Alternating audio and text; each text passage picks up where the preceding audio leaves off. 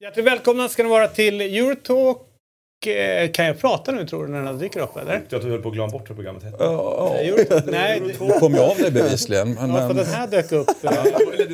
Det vore ju i och för sig rimligt. Alltså, med tanke på närvaron här. Nej, det Det är var, ingen så här alpby i bakgrunden. Det, det är mer vanligt förekommande för David numera. det bara dök upp någon konstiga grejer. Men det är ju... Det är konstiga grejer i form av de som sitter här i soffan. Eh, Men Martin är här, det är härligt. Hur är läget? Ja, du får det låta som att jag inte är så ofta. Nej, nej, nej. Tvärtom. Det var min tolkning. Då ber jag om ursäkt. Nej, det är bra. Det är så bra det kan vara, höll jag på att säga. Nej. Du ska sluta läsa, läsa mellan raderna och lyssna på vad jag Ja, säger. jag håller med. Det är- Härligt att du är här. Tack David. Ja, Det är underbart att du säger så. Underbart att du är. Ja, eller hur? Vilket är mer överraskande. Det är jävligt överraskande. Men de kallar mig för Mr Comeback Kid. Var det du kallades när du gick på college i USA och började ha t-shirt över långärmad t-shirt? Det känns som en riktig college-outfit. han skejtar hit. Comeback kid. Jag gjorde det också. Vilken bra start det här blev. Har du, har du överhuvudtaget varit på en... Han skulle precis fråga hur läget var med mig nu blir det Ah, gissningsvis inte. Jag kommer... Nej, nej. Jag kan inte tänka mig det. Den, den frågan... Det här, det här var poppis när du knappt var född. Ja, jag vet. Jag har också sett musikvideos på MTV med Blood and Gang, så jag vet vad, Ja, vad de hade. De var lite senare, men... ja. Men var det inte typ Blink 182? Ja, det, är för det var jag som Det är ganska långt det. senare. Det där var ju slutet av var ännu 80-talet, tidigare. början av Vad 90-talet. ung du är. Ja, ändå, du va? ser. Men eh, den, den dagen jag känner att du är eh, cool nog att kunna bära upp den här outfiten, då säger jag till. Gör det. Får jag låna den då? Kanske. Men inte den här t-shirten. Nej, det är Nej, den får du fan inte Nej, Den, den fingrarna låna väck. Ja, nej, men den är... Gjordes den efter Quaison gick till Palermo, eller var den låta innan det? Eh, på den tiden när det var t-shirt-tillverkning ihop med producenten då, PK-producenten, då, då hyllade vi ju vi Quaison till Palermo just som en exakt. fantastisk. Så fanns det två olika eh, Quaison-tröjor. En Rules OK och en som det bara stod Quaison lite snirkligt. Då. Eh, jag ska inte säga att t-shirten var jättepopulär på den tiden. För det var ju eventuellt så att folk inte begrep Quaisons storhet då. Eh, Vi var tre stycken som gjorde det. Ja, men, Reprint alltså? Eller re- ja, det går att argumentera för det. Men ni stavar rätt i alla fall. Ja. Quaison. Ja, det är positivt. Vad var det? Var det Hans, hans debut men ju mot Österrike i höstas så stod det ju Quiason istället för Quaison. Ja, och sen var det någon som sa... Skämtar du eller? Men de ska ta fel på Men printen jag på läste någonstans att det stod Robin Karlsson också. det är också kul. Du, eh, Makoto Asahara-san. Eh, kul att du är här också. tycker Ja, jag. tycker jag. Eh, Kan vi surra lite? Nyklippt? Han bytt frippa lite eller? Alltså, Är det bara jag som tycker det? jag hade ju väldigt mycket längre innan så det är väl lite mer ordnat nu. Men vad blir det? Tre, fyra veckor sedan kanske. Men det är väl det nya kravet på, på så att säga, icke-fasta panelmedlemmar. Det är att man får, man får shapea upp sitt hår. Vi såg ju Soran här. Kom Ja, ja, mycket bra. Det här är ju också bra. Ja, ja, det, det går åt rätt håll liksom. Det, är, det är väl Noah som stämmer i den bäcken. Eller är det du och Noah? Ni sitter ju närmast trots allt va? I, I sådana fall är implicit. Det är inget jag gör uttryckligen. Frisyrkraven. Ja, jag, jag har alltid sett de här scenerna både före efter programmen när folk trycks upp mot väggar. Och, Ja, för fan vad du kan smälla ute i korridorerna. herregud. Ja. Du, eh, jag satt och kollade på Willem Tvei i, i helgen eh, när de spelade och det gör jag ju för att eh, Isak spelar. Och eh, han, han blev den första spelaren i historien som har gjort hattrick i en och samma match enbart via straffar. Första straffen till vänster eh, och sen är det straff nummer två. Eh, då är ju målvakten tror ju att eh, Isak ska slå den i samma hörn igen. Då lägger han den till hö- höger. Sen är ju målvakten rätt smart. Då tänker han, han har lagt en till vänster, en till höger. Jag står kvar. Men Isak lägger den till vänster. Det är härlig mind game som ändå blir där. Eh, när, för det är inte ofta man ser en som tar tre straffar på ganska kort tid mot en, en slip sådär. Ja, Det är bra Ganska gjort att sätta tre straffar. hur? Absolut. Plus att nu har vi ju precis blivit av med straffskytt, ordinarie straffskytt i landslaget som har börjat missa Mm. Granqvist. Så det är perfekt, kan han ta dem också. Då ökar han målsaldot. Men uppenbarligen har han ju extremt självförtroende när man går in och sätter tre straffar på det här sättet. Säga. Jag tänker, när det pratas tre straffar i en match så kan jag inte hjälpa att inte tänka på Martin Palermo, gamla Boca Juniors och Argentina-spelaren. För han brände väl tre straffar Ja. i samma match Ja, exakt. en gång i tiden. Så det, Just det. Det är skillnad på kvalitet och kvalitet. Jag ville bara få in Martin Palermo i diskussionen. Men alltså var inte han, det var en spelare man aldrig i Europa fattade att han var bra. Han var jättehyllad i Argentina ju. Skulle spela landslaget. Ja, ja. Men vad, är han där? Men jag tror ju att, eh, att om, man, eh, om man lyckas i Boca och gör det bra där. då- då... Då, har man ju ett, ett psyke som, och, och eh, man får liksom en, en uppburenhet som är ganska enorm. Eh, som vi har kanske svårt att riktigt till 100% Ja, förstå. Jag tycker typ att deras tröjor är rätt snygga också. Jag, jag satt Willem faktiskt, och, Tveit jag tänkte- faktiskt Ja. också och tänkte på det. Den, den är fan fin. där. Och snyggt med Bryssel-reklamen på sådär på event. Och det gillar ju Bryssel Airport också. Man mellanlandar där så är, du går mellan terminalerna precis. Det är inget så här. Vilka jävla terminaler. Ja, men det är inte som Air France där man åker till Charles de Gaulle där man åker och ska byta, termin- byta terminal med bussar och skit. Där går man bara en gate till en annan, gaten bredvid. Jag har inte riktigt bestämt mig för om jag tycker om att ha namnen under numret än.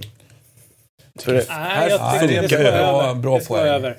Helt rätt. Eh, däremot, eh, om, Jag vi, om vi ska Alltså- landa i, i flygplatser så världens bästa flygplats utan konkurrent. Arlanda. Men, kom igen. Vänta, va? Skämtar du med mig? Det är väl den kanske mest osköna man någonsin har. Skojar du med mig? Det kan inte heller det med är väldigt mycket extremer nu känner jag. Den är bäst, Ja, eller den mest osköna. Nej, Exakt. Den är väl en Den är, vanlig. det är en bra flygplats. Den är briljant. Ja, men Varför är det så, så briljant? Observera hur snabbt du tar dig från att du kliver av planet tills du är vid bagagebandet. Om du inte, Ex- om du inte landar på F-terminalen. Också, också fort. Jämfört med JFK eller eh, London Heathrow eller Charles de Gaulle. Charles de Fast de är väldigt mycket större flygplatser. Det går inte att jämföra på det sättet. Ja, det är som Eller- trafiken i- Kramfors och Paris. eller, eller? Alltså, Ja, fin Pisa. flygplats. Gardermoen är ju bättre än Arlanda. Aldrig. Det säger jag inte för att vara inställsam mot norrmän, Ja, för det är just det. komplicerat. Men den är faktiskt bättre. Den är faktiskt bättre. Så långt. Så lättläst! Oj, oj, oj. Och, eh, Terminalkortet. och har ni sett den vackra... Alltså, om ni går, åker ut till Arlanda någon gång och ställer och kollar på Terminal 5, byggnaden. Brukar du göra det? Vad fin den är. Jag tycker om flygledartornet då? Briljant. Du och Oskar Linnér står där i Det är synd diket att och de mår så kollar på. dåligt uppe i tornet då. Vad säger du? Ja, det är synd att de mår så dåligt uppe i Att tornet. det svajar lite grann? Ja, inte så lite va? Nej, men det, får man, det är bara som jag brukar säga. Bita ihop eller? Exakt. Apropå Willem Tvei. Jättebra. Jo, det ska jag säga. Eh, och i och med då att Isak har gått dit och sen så spelar ju Sam Larsson där nere som, man, eh, gill, som jag gillar lite grann. Och sen så efter jag var nere där och jobbade en, en sommar och började hålla lite grann på eh, eh, Fitesse. Så eh, har jag börjat följa den här ligan. Den är lite småmysig alltså. Det är lite härliga arenor. Det är verkligen så här... Det är verkligen eh, stadens lag som spelar. Eh, och man märker att det, det finns en förankring i, i det lokala. Jag bara få en sak ehm, med just Sam Larsson. Eh, han är så otroligt håsad av många supportrar och en hel del journalister. Varför spelar han aldrig? Jag har ju sett honom otroligt lite sen han flyttade utomlands och jag har lite svårt att skriva under på den här hypen på honom. Vad är det som gör att alla, med tanke på hur lite han har spelat i landslaget, Det har väl borde varit han haft svårt. mycket mer chanser eller? Ja, men jag tycker Han- han inte... hade För jag hade tycker att han har vissa moment som är väldigt opportunistiskt roliga att se på. Men att jag kanske inte... Som, jag har inte sett helheten som andra sett. Jag har sett honom för lite för att göra en rättvis bedömning. Jag är bara väldigt nyfiken. Men det är för som- det är det är ett namn rätt- som alltid dyker upp. Det är en spelare som nästan aldrig spelar.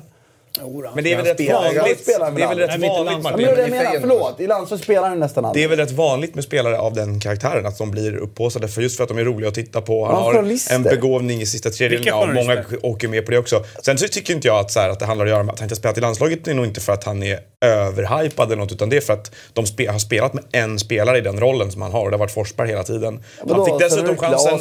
Han det fick- han det fick ganska dess- många som Han fick dessutom chansen borta mot Ungern eh, i en kvalmatch för två år sedan och var ganska bra i den. tror han gjorde ett, mål, äh, gjorde ett halvt mål, det gick via någon spelare så han fick det inte efteråt.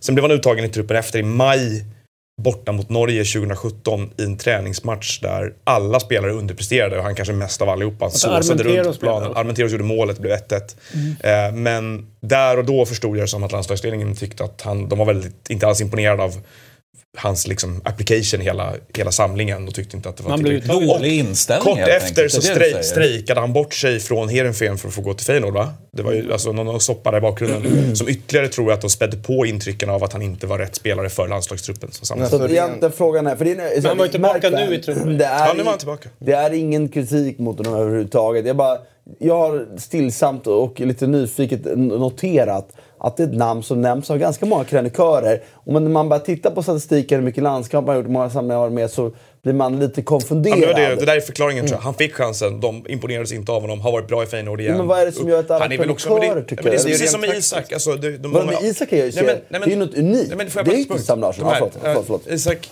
Isak, precis som, alltså, Isak blir ju, eh, får ju näring från AIKs supporterbas till exempel. Det hörs mycket om Isak. Och det har ju varit liksom vänts då andra MFF-supportrar och Bayern och Djurgården och Blåvitt och då, då ska de säga nej han är överdriven, han är inte så här bra.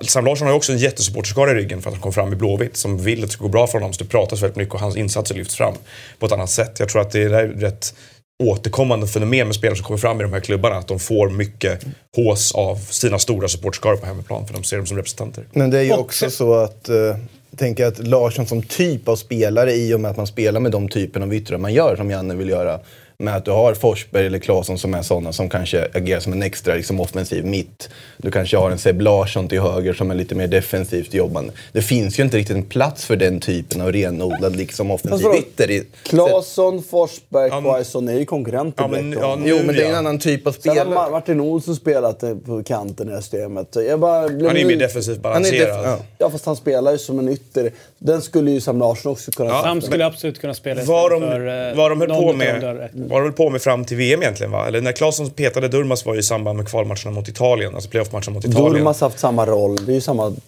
typ för mig. Som, Ja, som jag tror att de ser honom som en mer defensiv balans. Sam Larsson ser honom mer som en ytterforward tror jag nästan. Alltså. Ännu mer Och offensivt. jag, så, jag, vi kan sluta. Jag var mest nyfiken. Jag har tänkt på det många gånger. Det bara dök upp nu. Kristoffer det. Pettersson är också en som jag brukar följa och kolla lite grann. Eh, Tycker jag är superspännande. Eh, offensivt framförallt. Sen så kanske defensivt har lite frågetecken men jag tycker han gör det svinbra. Mycket intressanta svenskar där nere och kul fotboll att kolla på. Kul liga att följa i alla fall. Det är ditt budskap. Ja, det är det. Tack. Eh, ska vi... Eh, det var ju så roligt för i torsdag så satt Martin här inne och Gusten här och vi gick igenom Europatipset och kupongen och Gusten var, eh, var helt övertygad om att det här kommer bli en, en vattendelande omgång eh, där någon kommer rycka ifrån och någon kommer eh, tappa. Eh, med facit i hand så blev det inte så dramatiskt. Det blev att Martin tog ett på mig och jag tog ett på Gusten tror jag. Eh, och sen så eh, Sjukt dåligt. har eh, Noah också sju då.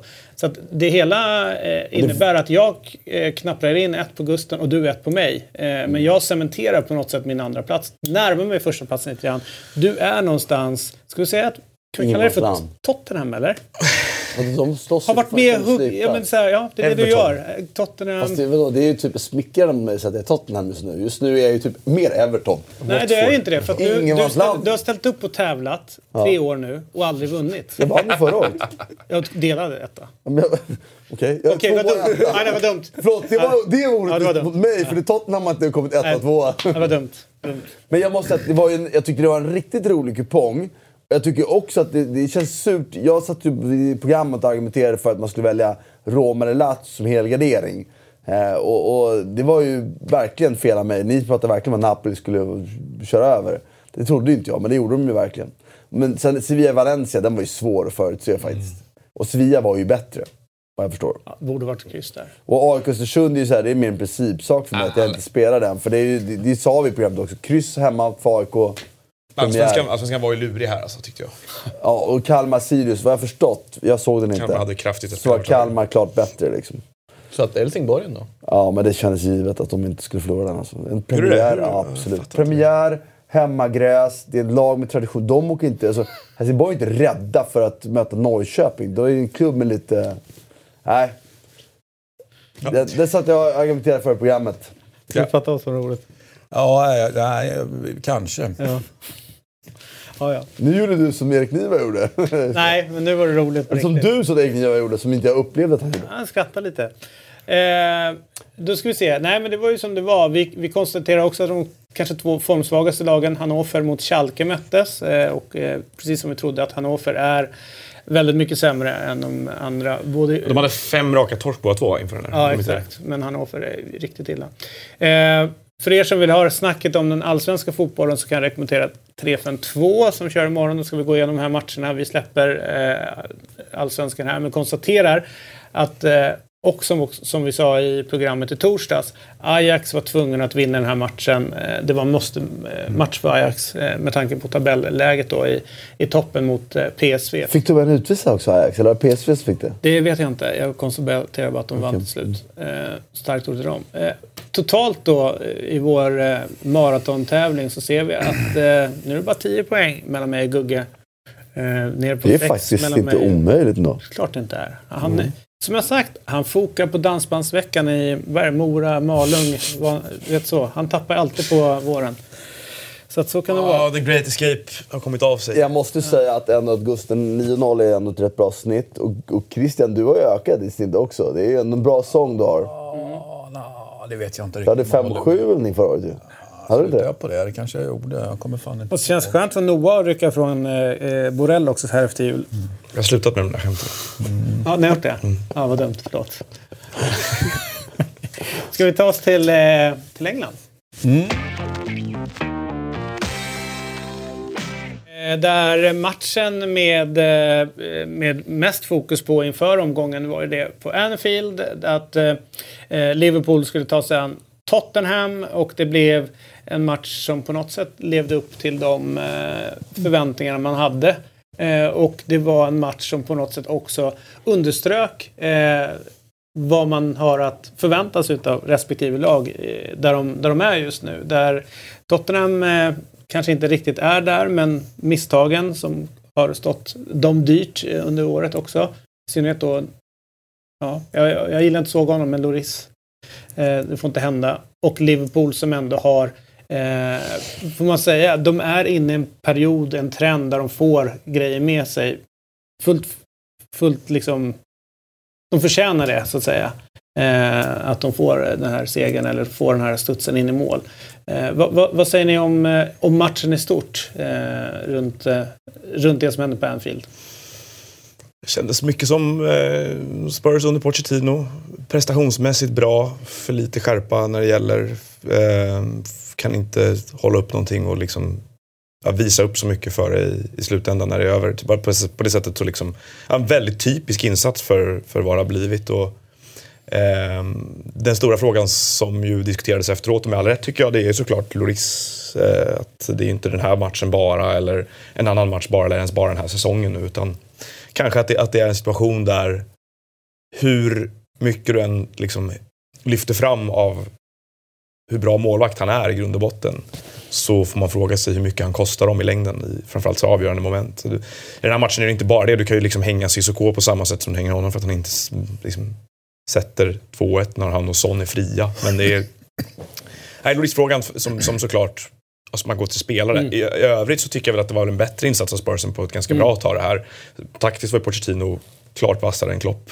Klopp kanske gick ju för segern och drog upp nästan fyra forwards på slutet. Och då, det är ju liksom ett, ett, tittar man vad utfallet blir spelmässigt av det så kan jag tycka att det var ett misstag av Klopp nästan. För att eh, åtta fall av tio tror jag Spurs hade kunnat liksom straffa dem istället. Åt andra hållet hade de gått med noll poäng från det här.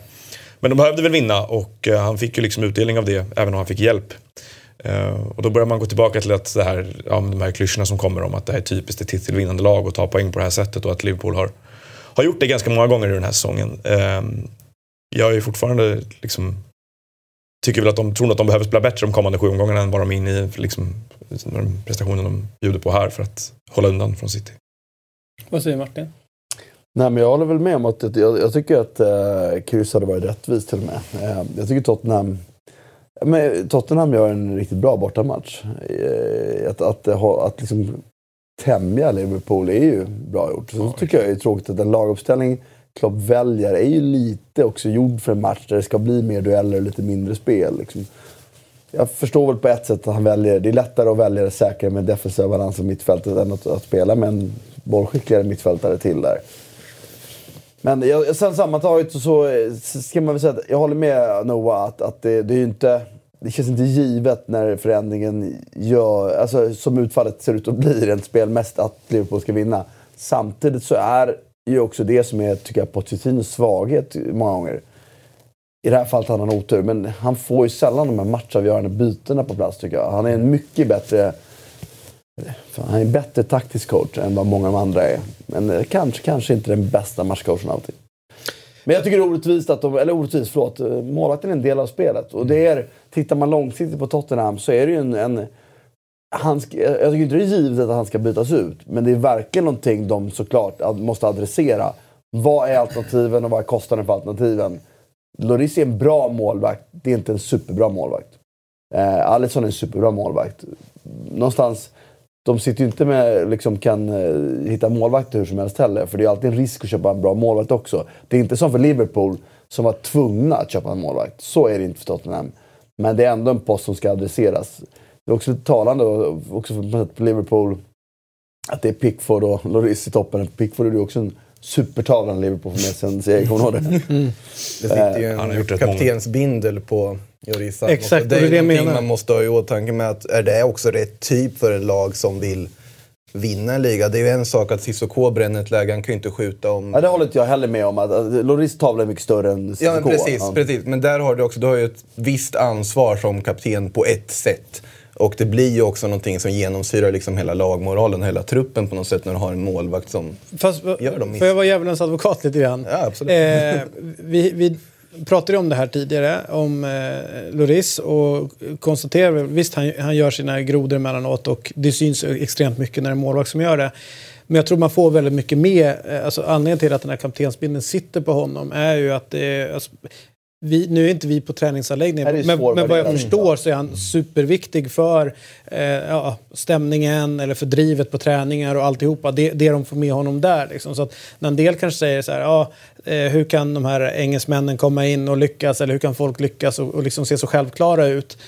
är ju för att det finns en kultur någonstans i Tottenham också. Och det är ju han eh, med och sätter. Så, att, så att någonstans där tror jag. Sen, är, sen här tycker jag lite, nästan lite synd om honom för att det är okej att, att tappa. Det, det, det var inte så grov misstag som Blåvitts keeper gjorde igår.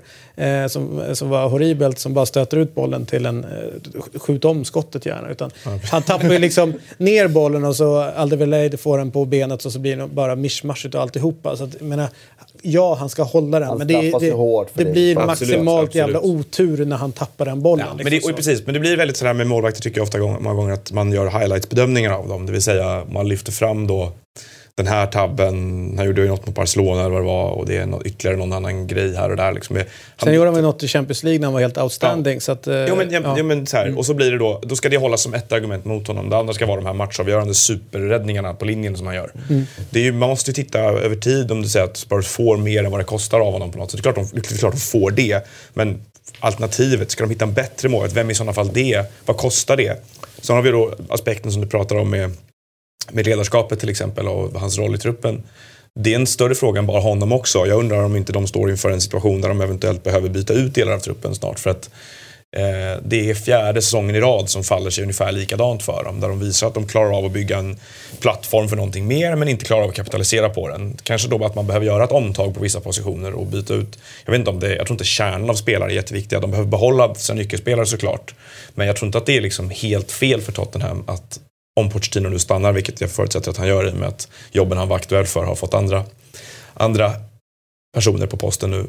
Eh, att man försöker få till ett mentalitetsskifte där det kanske behövs en annan ledargestalt än Lloris. och Man behöver prova någonting annat för att, att vara där inom en femte säsong på sam, sluta på samma sätt med exakt samma scenario nästan kan nog vara skadligt på sikt tror jag för både Pochettino och vissa av nyckelspelarna som Det såklart måste- ska vara en del av det. Det måste ju finnas någon form av eh, tillväxttanke såklart. Ja. Och nu är ju allt på plats. Jag, eh, alltså, från och med nästa år så har de ökade intäkter, så nu måste det satsas. Eh, och jag är helt enig med, inte, inte, jag tycker ju, man, liksom, det är, givet om det inte hade funnits förutsättningar så tycker jag inte det hade varit fel att Tottenham fortsätter samma spår. Men nu finns, vi vet ju att det finns en jävla massa pengar att satsa nu. Det finns en tillväxt i, i intäkter som är enorm. TV-rättigheter och arenan, den estimerade ökningen där är ju, det är ju enormt utrymme att köpa spelare för. De är inte ensamma om det här i, i, såklart. Men de hör till en av de klubbarna i världen just nu som har, står förmodligen för den största tillväxten. Och de borde redan, redan innan ha kapitaliserat på det här. Precis som Juventus gjorde i motsvarande läge. Men de byggde sen redan så byggde de en trupp för, att, för, de, för de ökade intäkterna. De väntade inte på det utan man såg till att bygga periodvis. Och det borde Tottenham också gjort. Det har de inte gjort. Så nu finns det jävla kapital att satsa och då tycker jag ju absolut att Loris är en av de spelarna man ska titta på. Men jag går tillbaka också till det, för jag håller med dig David, att det är ju en, så otroligt svårt att värdera hans ledaregenskaper. Han är bra, men han är inte superbra. Det är inte målvakt som man nödvändigtvis vinner, vinner grejer med.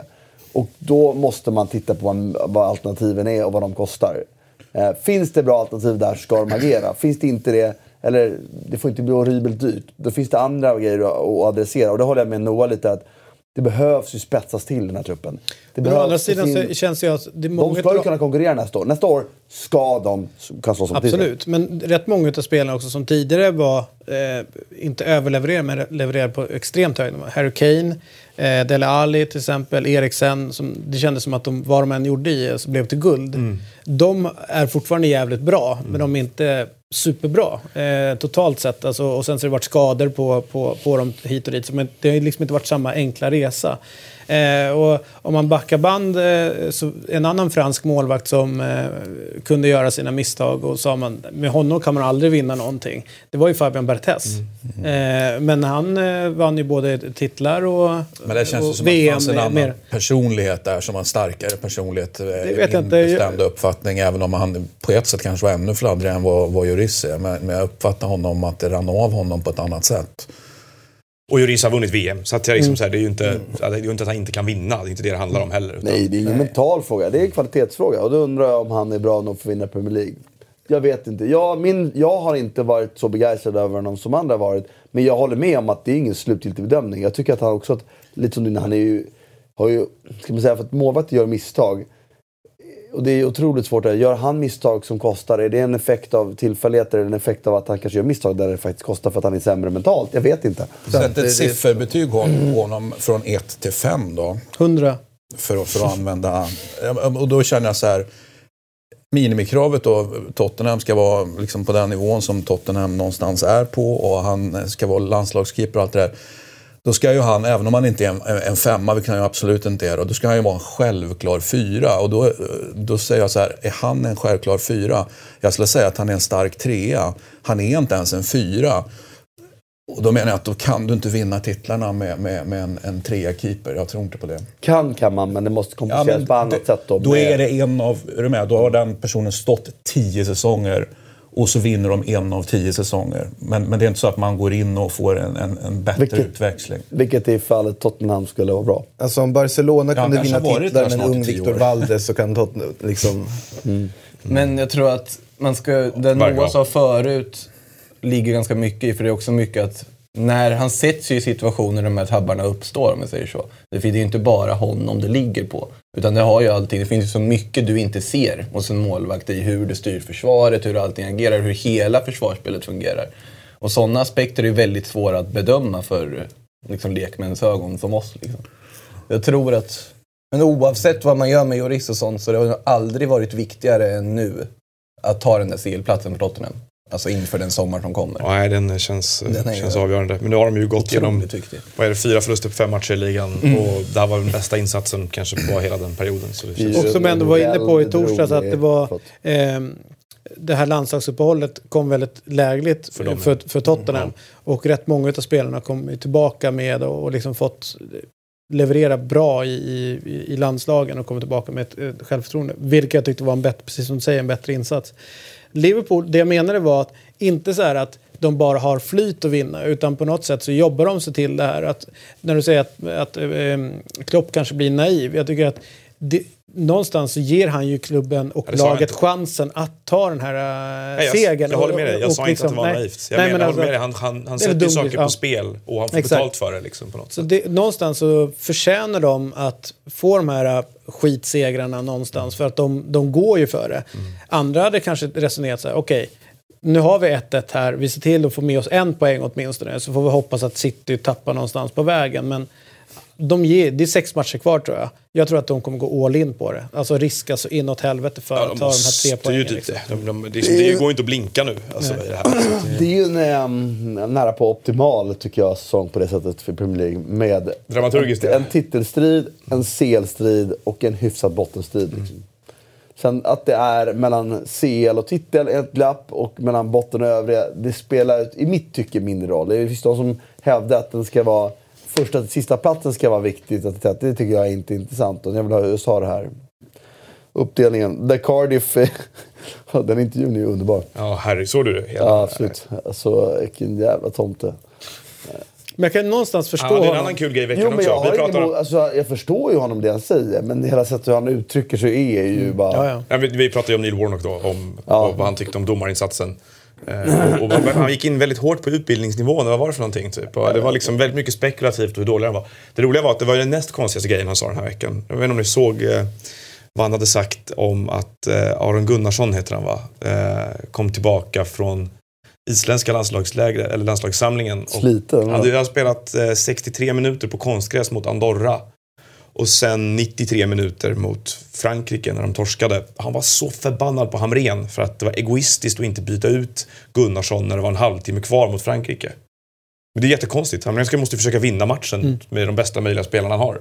Så ska han, ska han vara schysst mot Neil Warnock och byta ut nyckelspelare när det står 3-0 Inte till typ Frankrike? man vill vara Warnock schysst kanske fattar hur kass Hamrén är å andra sidan, så han vet att det finns inget hopp. Men det är väl hela det här liksom EM, EM som företeelse är väl något Neil Warnock inte har så mycket Nej, för, precis. För att han ens har en spelare som inte är från, att han ens har en spelare som inte är från England i laget. är ju- Men, ja, nej, men, men nu får ju Cardiff det tufft. Det här kändes som en riktig käftsmäll för dem. Alltså. Och Huddersfield åkte ju ut och Fulham kommer att åka ut den här veckan. Så att det, de är borta. Fast prestationen tyckte jag ändå eh, liksom lovar Absolut. någonting. För det är Absolut. inte... Men det är väl Alltså, att det är de där om, man ska, om poängen. man tar prestationen så kan jag ju säga så här. Det Chelsea höll på med fram tills de får det här målet är bottenlöst jävla dåligt. Men det var ju... Det, De hade- det där är du och jag det De har är 73 olika. procents bollinnehav. Ett avslut på mål. Ett.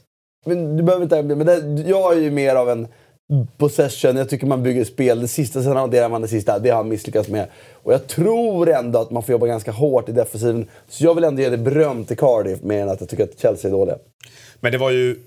Men det sagt var ju- det tycker var ju- jag också att han har misslyckats med att få till de sista tre. Och det var ju någonstans, det kändes som att det var en sorts på kritisk eh, gräns här nu också va, med Sarri. När det gäller typ eh, stämningen runt honom och förtroende och alltihopa med ramsorna som sjöngs om att de var trötta på Sarri-ball eller vad det var för någonting. Och Fuck Sarri han, som de Ja, brukar fuck säga. Sarri-ball. Och eh, att igen att det har blivit den här Hudson Odoi-historien som börjar bli någon sorts Men varför? krydda Det på kan jag alltihopa. fatta. Det är så det är märkligt. obegripligt. Det är nästan så att man får intrycket av att han håller honom på bänken för, För att visa att- vem som bestämmer. Alltså för att visa att Men han inte så här, tänker falla offer behöver för... han ju visa om inte annat. för- så. Nej, opinionen. Men, men, men, men jag, säger, jag ska också säga att jag har sett Hudson då i många av matcherna inhoppen.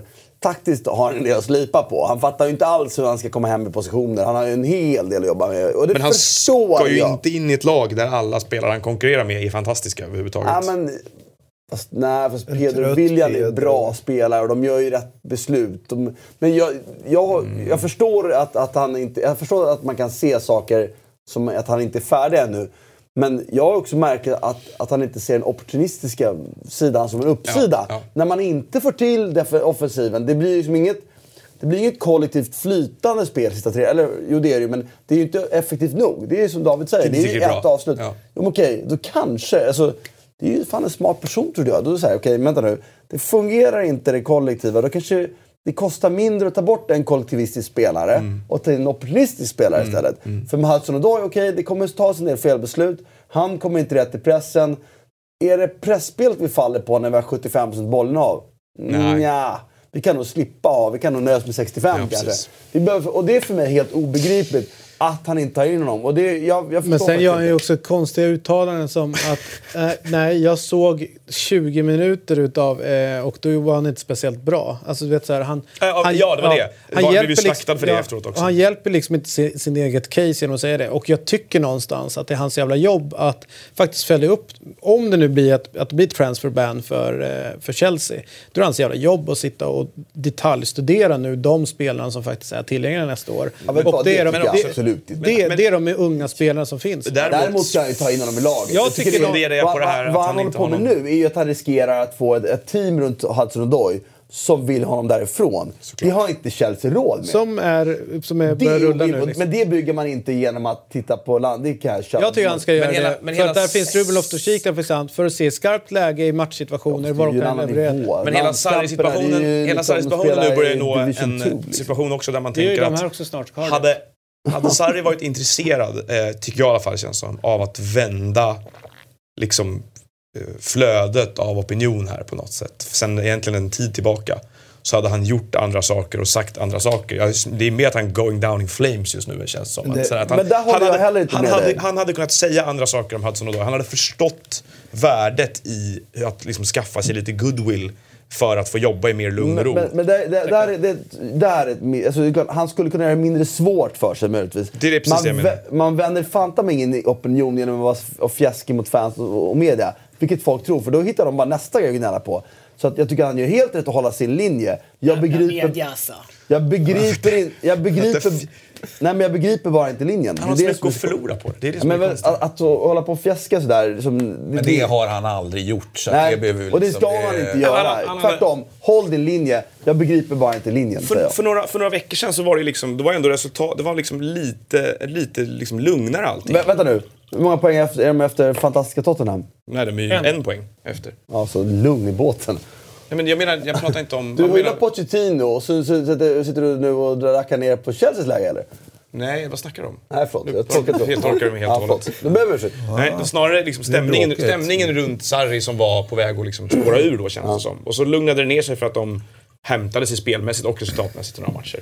Att han lyckas därifrån komma tillbaka till det här läget, det förvånar mig. Problemet är så här, de gav sig chansen när de med några, faktiskt tycker jag då, bra insats i ligacupfinalen mot City. När, när, allting, när allting efteråt handlar då egentligen om, om, om Kepa och vad han gjorde. Vann mot Tottenham sen efteråt. Bra matcher. Där tycker jag de gör jättebra insatser och spelar lite annorlunda. Där, där hittar han ju ett annat sätt att spela. då var det lite Som lugnare. eh, bara en imbecill tyckte då att han skulle kanske kunna ändra till.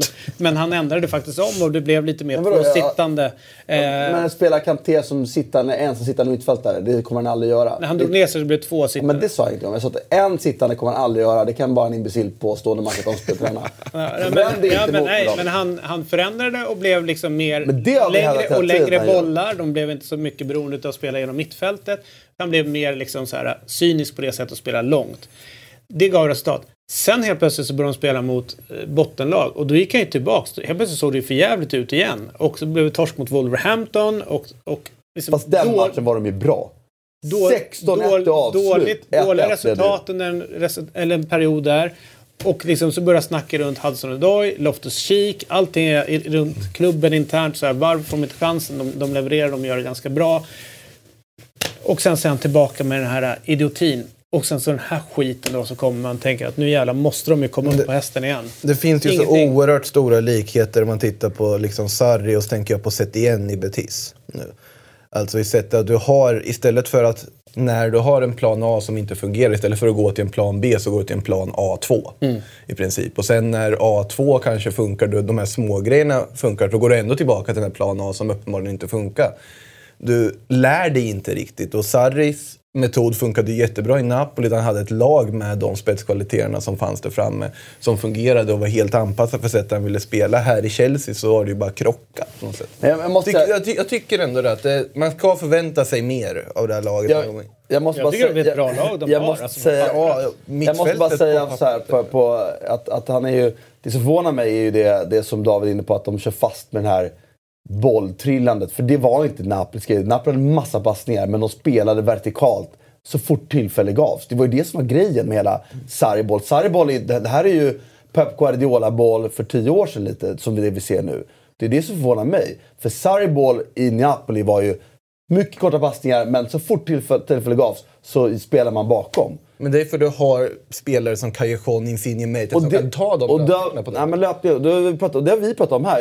Vi, att jag, här, fund- jag har ju börjat fundera och omvärdera det. så att, Okej, hängde det på att det var Insigne och inte Hazard som var i spelet? Det Insigne slog den här banan, det kanske inte var Sarris förtjänst. Vad vet jag? Och det kanske var Benitez som hade skolat det som Sarri fick ta över. Det vet vi inte. Sen den stora krocken här är ju filosofin i klubben tycker jag. Där du representerar en stor del av Chelsea-supportrarnas syn. Ni skiter ju fullständigt jag förstår om ni spelar fin fotboll. Ni vill ha målchanser och fart. Sarri kommer, kommer inte ge er det och då är han ju fel man. Fel anställning att göra. Ja. Tittar man på sportsliga resultaten över en säsong. Jag tycker det är egentligen helt i linje med vad man kunde förvänta sig. För de är inom räckhåll för Champions League. Det här, är ingen, den här truppen är inte bättre än, i närheten var lika bra som Tottenhams, United, City och Liverpools. Att slå sig in där hade varit en överdrift. Det laget som överraskar här är ju Arsenal tycker jag. Och det är ju Emery som ska ha beröm mer än att det är Sarri som ska ha skit i det fallet. Sen håller jag med dig om, sen måste ju Chelsea-fansen göra, och det- Chelsea-klubben göra ett val här. Och det, jag är helt enig med dig David, han ska inte vara kvar där.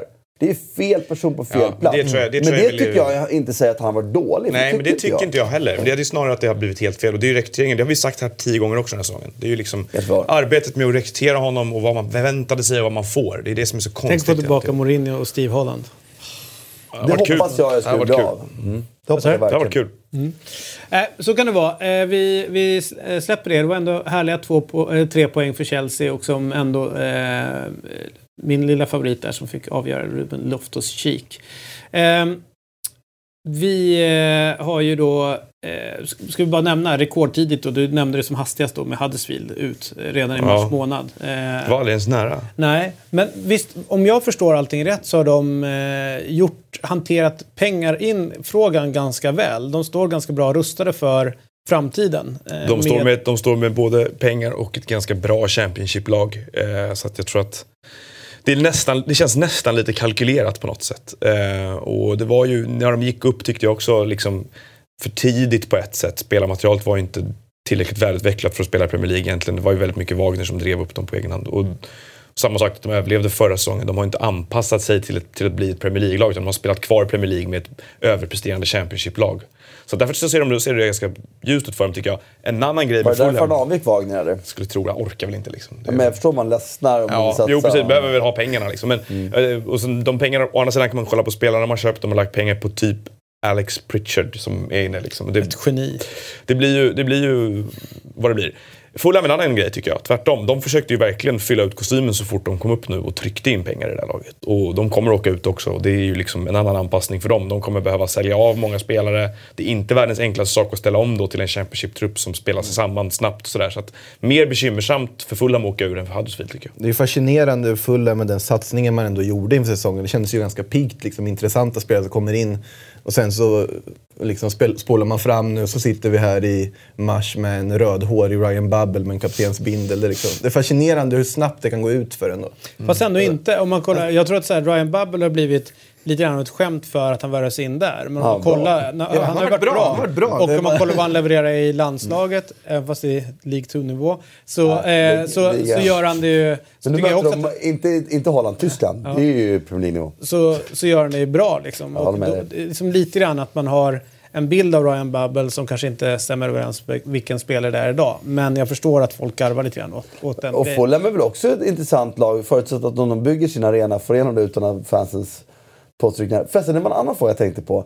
Eh, Om jag bara tar ett sidospår här med, med Fulham och ombyggnaden av Kevin Carter som är lite, vad jag förstår, jag har ingen jätteinsyn, men det var protester mot det.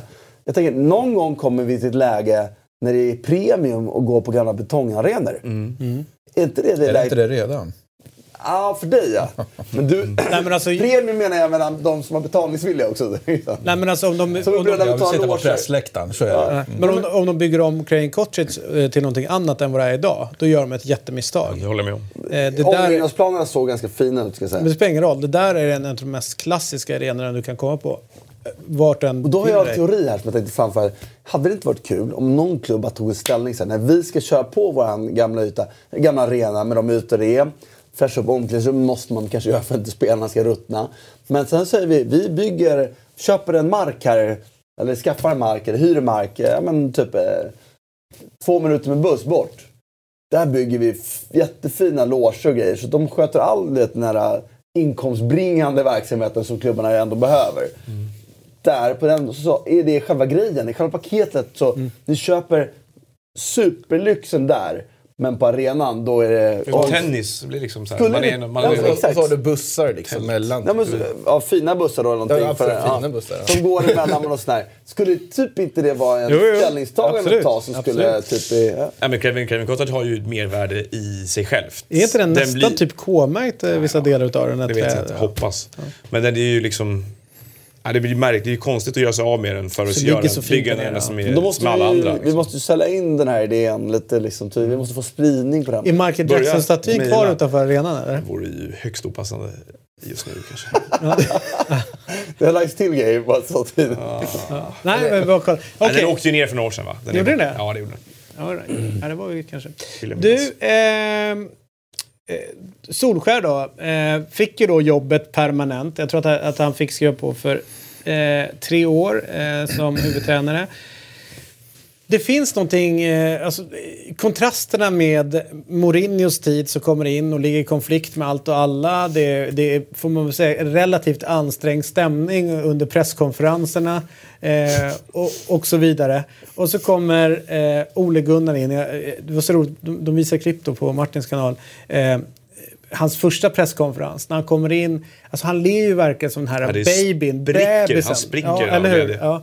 Eh, och det här har på något sätt fortsatt. Att han är så jävla trevlig, hans leende. Liksom när, han fick, när han fick berätta liksom att här, eh, många säger att det är en dröm att få representera en klubb eller eh, träna en klubb men för honom. Och, och man trodde verkligen på det han sa. Varje ord trodde man på att det här var det absolut största han någonsin kunde uppnå. Eh, så att på något sätt så, jag tror inte han har spelat taktiskt med flit. Men hans kärlek till United och den är äkta, det är- kärlek till jobbet eh, och hans sätt att närma sig jobbet tror jag har varit helt perfekt i, i, i kontrast till van Gaal, Surbultarna som innan. Mourinho och eh, förbannade. som var innan. Gaal hade ju humor. Det var ju, Holländsk humor. så på något sätt så, Arrogansen som van Gaal och Mourinho har, det är fan sant. det är en Vilken extrem jävla kontrast. antites det har blivit. Verkligen. Men jag tänker, jag, jag tänker bara, dels tänker jag att det är ett, ett Det är högre än min arrogans. ett självmål, eh, verkligen det här och utnämna honom. Vi har- Det har vi ju konstaterat här att han, det, liksom, ta inte det, skynda inte med beslutet för beslutet kommer inte springa ifrån det i alla fall. Jag bara tänker på en sån här gammal Magnus och Brasse-sketch liksom, där, där, där, där Brasse på något sätt spelar någon liten bebis tycker det är så skönt att, eh, att kissa i sängen för det är så varmt och skönt liksom, fast det blir lite jobbigt efter ett tag.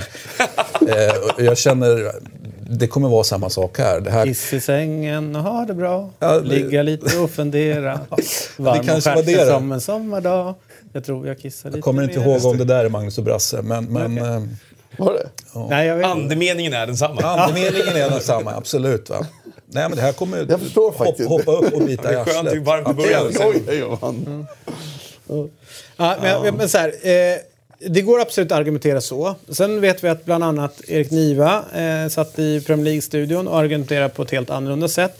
Dock så lägger han till då att klubben på något sätt har blivit trängd in i ett hörn eh, där de i princip blir tvungna till att ge Solskär De har ju, jobbet. de har ju inte blivit trängda, de har ju trängt in sig själva i det. Ja, nej, är det okej. De har trängt in sig själva i De hörnet. ställde sig själva och vände ryggen och, och tittade rakt in i väggen. Liksom. Nej, titta på en leende, glad norrman som sa Jej, like detta jobb.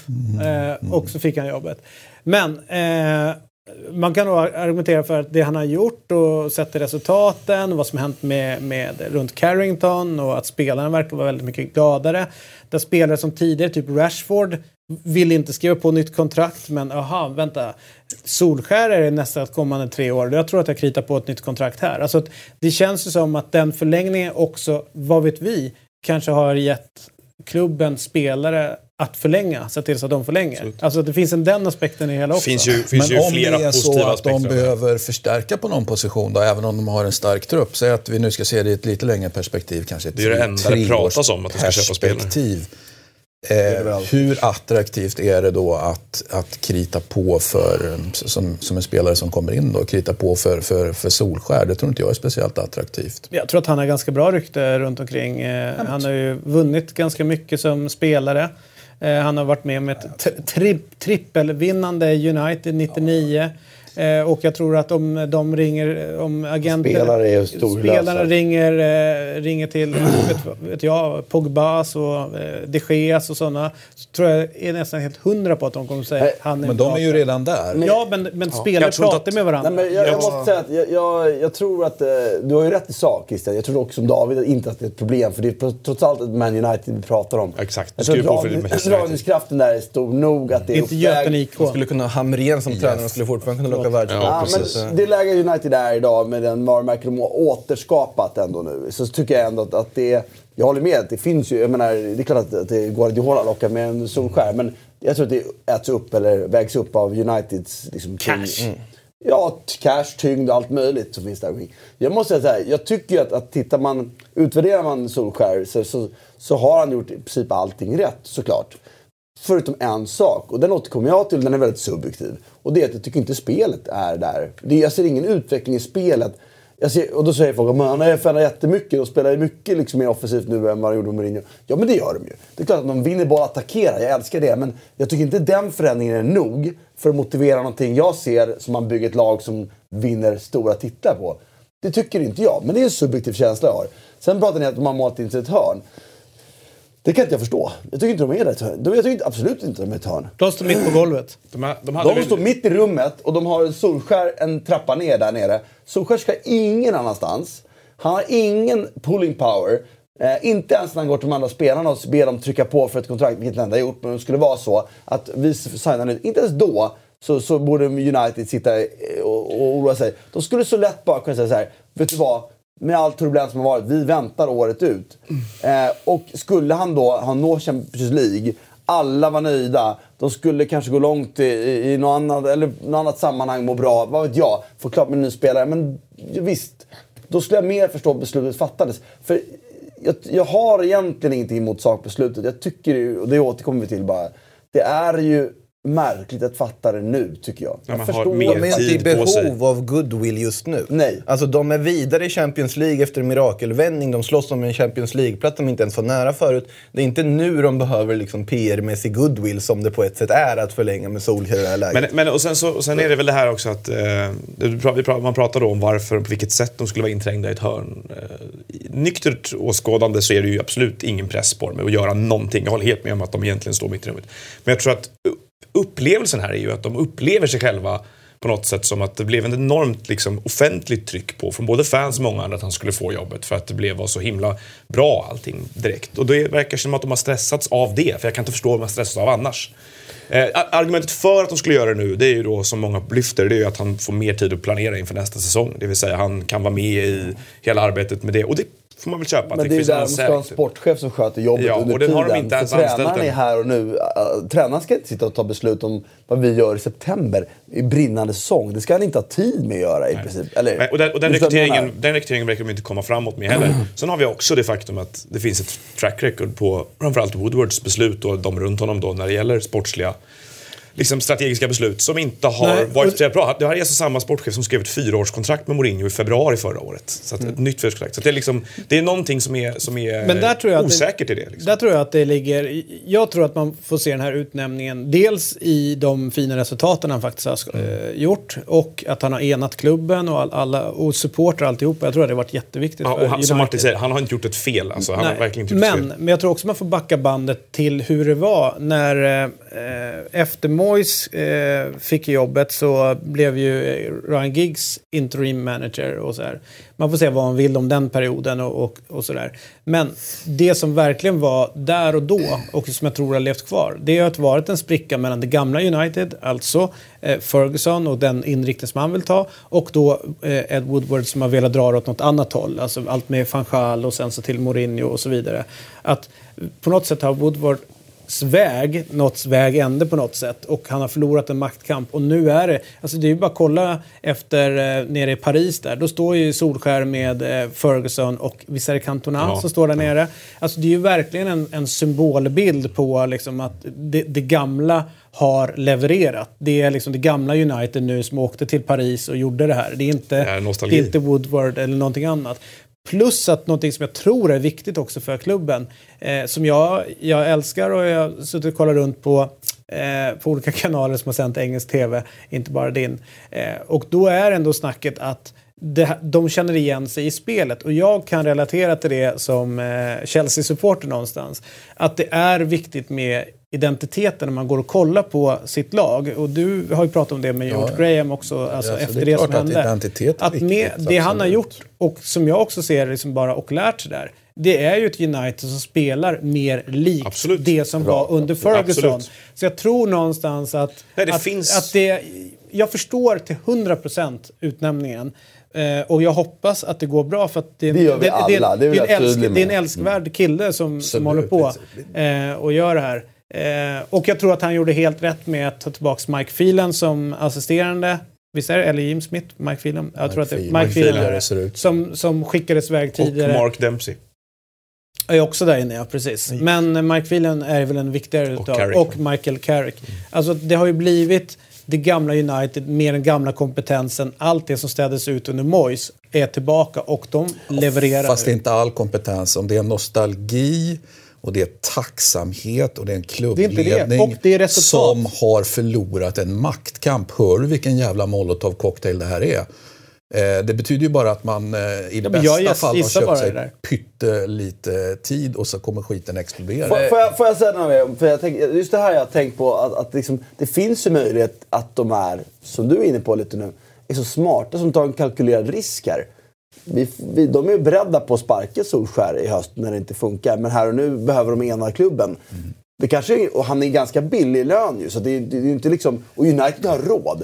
Och Men- det är ju jättesnyggt om det är så, men är inte det att tro uh. Woodward och gänget om för mycket? Va? För möjligt, För att- jag- jag vill bara lyfta det som en här möjlig händer ju tes. Förhållandevis, jag ska inte säga ofta, men absolut. Det här har man varit med om x antal gånger. Du säkert i din klubb, jag absolut i klubbar jag bryr mig om. Och så vidare. Hur man köper fall, sig eller? tid och, och någonstans, fast man vet om att det här bara egentligen så fort som möjligt ska den här tränaren bort. Får jag bara, jag, jag, jag bara tillföra någonting, för jag håller ju med om det som Christian är inne på ändå, för det är verkligen någonting... Det är ju väldigt, jag brukar ändå försöka vara väldigt... Eh, alltså, precisera eh, vad jag, varför jag tycker någonting. Men det finns ju någonting här som är magkänsla, då, om jag ska, vilket jag sällan går till. Det är ju det som Christian berör här. Att gå tillbaka.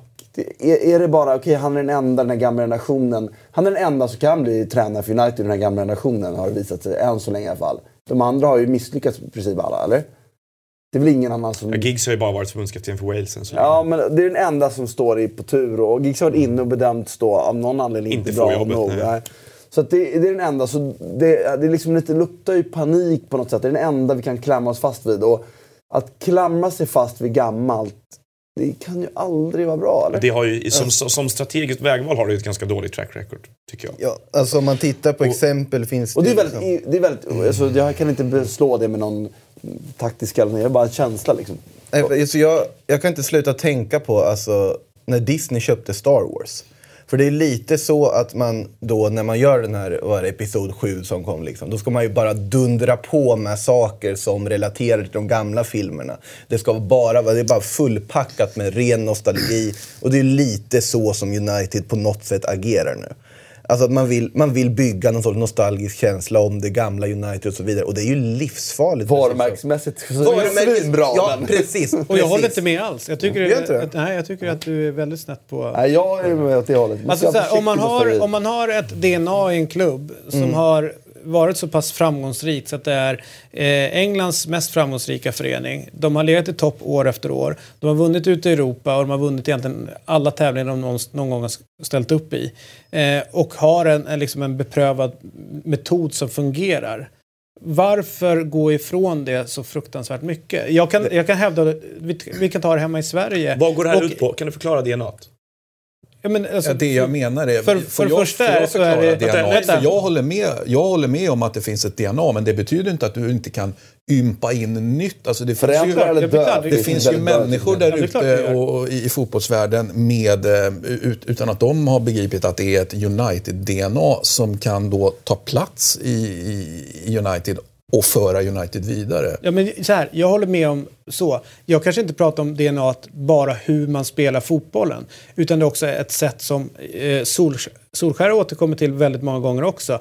Hur man är som United-spelare. Hur man är på Carrington. Hur folk blir behandlade på Carrington. Hur, liksom, hur stämningen är runt omkring. Vilka kravställningar som är där. Det är helt uppenbart att det som Mourinho Det ville bra. göra, det van Gaal gjorde och det Moyes gjorde faktiskt inte funkade där. Men att han någonstans på ganska kort tid har fått ihop den här klubben och där folk börjar förstå vad det är de vill göra, vad de, eller vad de ska göra.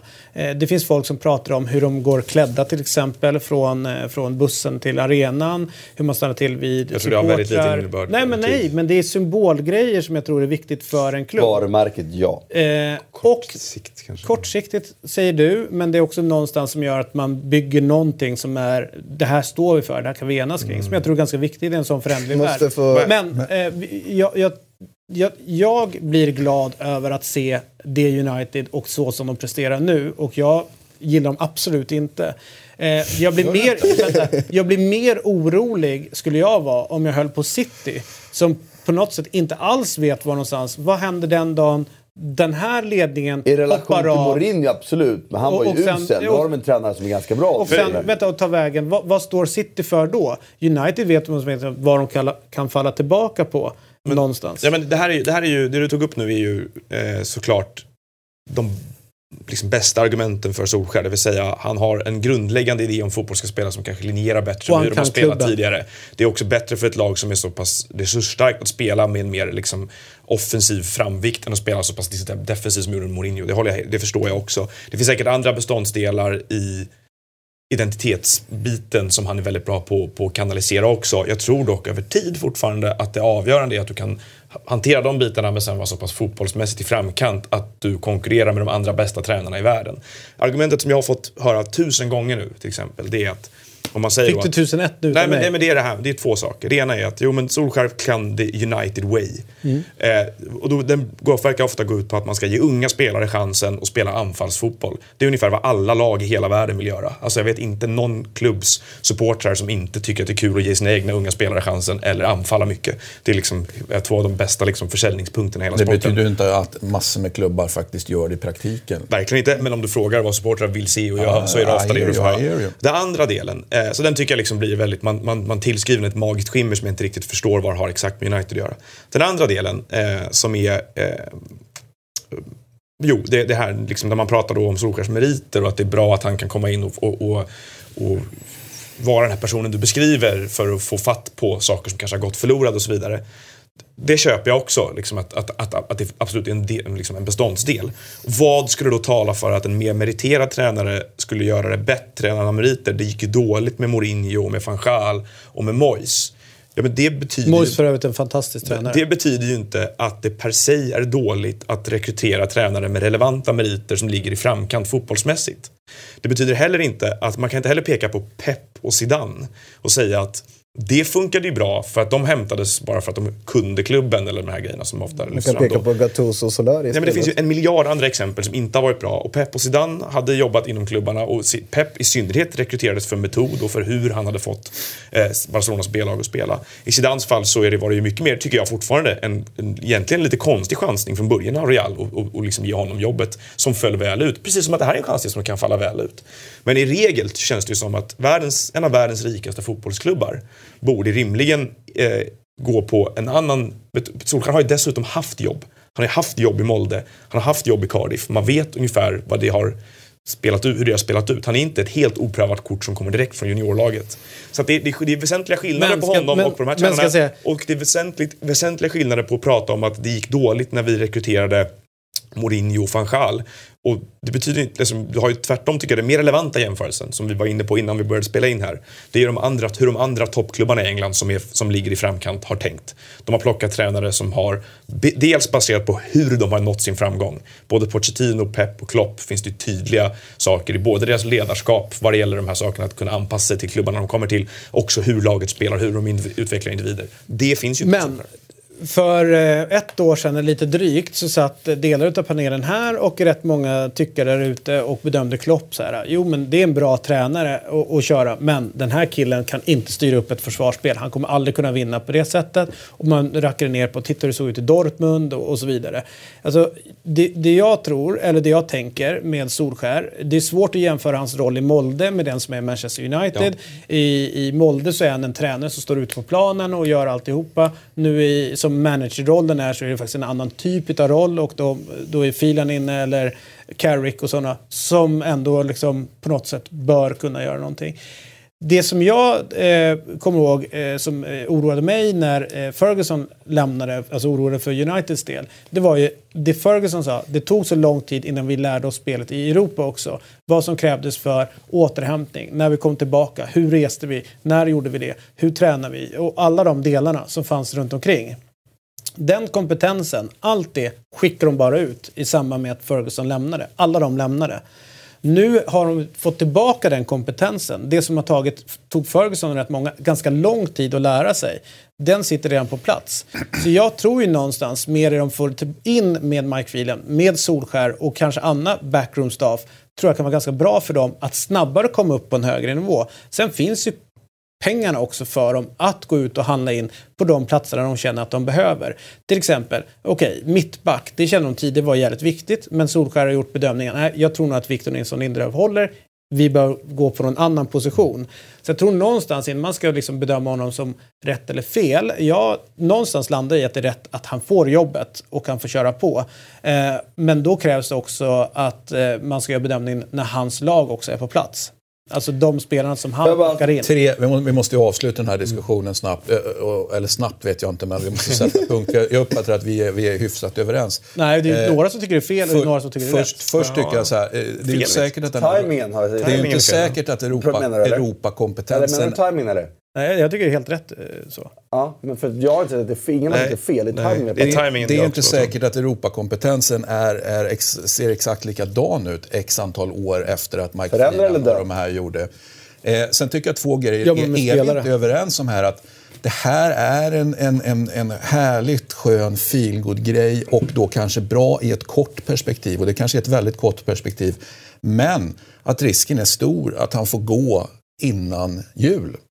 Kanske. Där har vi de två Men jag måste också ja, det är precis det jag för, tänker. Får jag bara för att annan sak, för det är också här, Givet att saker och ting gått jävligt snett så kanske för att man ska förändra, för att jag måste förändra det här United det är ju kanske att man behöver hela någonting först. Och i den processen vi pratade om tidigare, kanske det är kalkylerat att ta in Solskjaer nu med risk att man får gå jul för att det är ändå bättre därifrån vi kommer stå sen. Det kommer bättre att ta nästa Läkeprocessen är snabb. Sen ska vi också ska jag säga att mot det jag anför som är det egentligen det enda relevanta tycker jag. Att spelet, han har inte visat någonting spelmässigt. Det kan vara så eh, att Solskjaer bara gjorde bedömningen när han kom in nu. Fuck, jag har inte tid att fixa några jävla spel nu. Nu ska jag se till att ta poäng och resultat. I sommar börjar jag med min förvandling av spelet. Det vet alla i klubben om. Det är den plan som Då de plockar in Mattias Moström direkt. Ja, och, det, och, det vet, och, det, vet, vi ingenting om. Nej. Men så här, David tror att de kommer vinna mot Ole Gunnar Solskär. Jag tror absolut aldrig jag, gör jag har inte det. sagt någonting om vinna. Nej, men det är det vi pratar om ju. Vi tror ju att han är fel därför att jag tror inte att han kommer gå och vinna till slut. Jag är inte säker på att han är fel. Jag är bara absolut inte tillräckligt säker på att han är rätt för ja. att göra det här. Nej, okay. alltså... Trea, fyra är ju tyvärr en rädd för att det är begränsningar det jag sett hittills. Och ja, de kan göra som eh, Klopp gjorde. Investera 1,8 miljarder i sina brister. Spelarmässigt. Det kan United göra och du har rätt, de har råd att göra det. Så det är möjligt. Och det, det är också en väldigt. väldigt intressant tid vi går in på ett annat sätt nu. Det kanske, vi, har, vi har gått till, vi har gått till, nu har bara fundamentalisterna drivit fotbollen. Eh, nu kanske det är ledarskapets tid. Och det är ju Solskjaer verkar han grym på. Det kanske handlar nu om att lägga... United kan fan köpa spelare för 3 miljarder i sommar igen. Förr eller senare när man öser så mycket, de har ju öst pengar i en jävla tratt. Vi har pratat om att Mourinho, det var ju bortkastat för Mourinho var så jävla dålig i United. För det var han. Nu har de någon som inte är dålig. Kanske, nu kanske öser pengar i den där tratten och det kommer ut någonting bra. Det kanske är en ny tid. Inte det också en spännande tanke? Jo, det är klart det är. Och med tanke på det eh, så, så är det, apropå liksom, man pratar om modern fotboll och sådana saker. Jag satt och eh, har kollat lite grann på hockey på slutet. Eh, och då finns en tränare som heter Roger Melin eh, som eh, en del sa att hans, liksom, hans sätt att se på hockey är föråldrad. Sen börjar man prata med folk eh, runt omkring i hockeyn och säger så här, ja, den hockeyn som börjar komma tillbaka som är ganska vägvinnande, det är den han stod för när det gick så bra och då börjar man backa band. Så att allting går ju på något sätt i cykler. Mm. Det kanske är så eh, att den fotbollen som United spelar under Ferguson är på något sätt lite grann på väg tillbaka på ett sätt. Eh, man vet inte, liksom, det, pendeln slår ju ganska mycket fram och tillbaka. Men jag tror ju att jag är inte säker på att United vinner nästa år. Men jag tror absolut att de har chansen att under eh, Solskär, om han får vara där med, dem, med det kapital som finns i ryggen att... och den eh, kompetensen finns. Med tanke på hur många som verkar väldigt känslomässigt investerade i den här eh, rekryteringen så hoppas jag också det. För då blir jag fler människor glada än ledsna. Du säger bara det för att inte VG ska börja ringa dig och hänga ut dig. När du tar upp Roger Melin så är det ganska också talande med tanke på hans liksom så här, gitarrgrej han körde inför mm. Leksand AIK. Någonting som är bra PR och bygger upp. Och jag, skulle säga, jag gillar Star Wars Episod Det är viktigt att lägga till det. Mm. Men det Bra. finns en risk i längden. Det är där jag ville komma fram. Så är det. det är ju framförallt inte lika bra som det ursprungliga. Exakt. Och, och, här är ju tanken att, att ett modernt United ska väl ändå leverera på samma plan som ett gammalt United. Och det var lite där jag eller, eller, ja, ja. ville komma åt. Bra, grymt. Du, eh, eh, tror ni att Thomas Monier fick tag på någon ful stream till eh, Portsmouth Sunderland eller? Otroligt att han fick tag på Alltså, vad, Har han sett Sunderland till I Die på Netflix tror jag? Antagligen va? Antagligen. Ni, ni, ni sitter här just nu och sågar hans intresse för matchen. Nej. Bara, han är inte intresserad på riktigt. Han är bara en Ja, Netflix-torsk. Ja, det är det. Ja, men vad är oddsen för att en högerback i Paris genuint är intresserad av en Det är liga? typ- det är uppmuntrande. någon fransman spelar med lagen? Kanske någon barndomskompis? Okej, nu, nu ska jag bara säga det. Om jag, fick, om jag satt i ett lag och fick välja in en jävla hög... Uh, tjacka in en ytterback Så skulle du välja honom. direkt. Det köper jag. Det köper jag. Direkt. Det köper. Solskär. Ska ringa så. Hörru, eh, eh, OGS, det är fjäll här. Så kan du spela högerback. Han, Thomas Munér eh, verkar gilla engelsk fotboll. Tror du Men alltså, det, det är oavsett vilket. Det är ju United, fan vad de är i fokus hela tiden. Vilken jävla eh, förmåga de har att vara det. Det är faktiskt fantastiskt. Och så är Jag det. håller med. Det, det gör ju att de aldrig kan falla riktigt. Liksom. De är alltid Nej. tillbaka.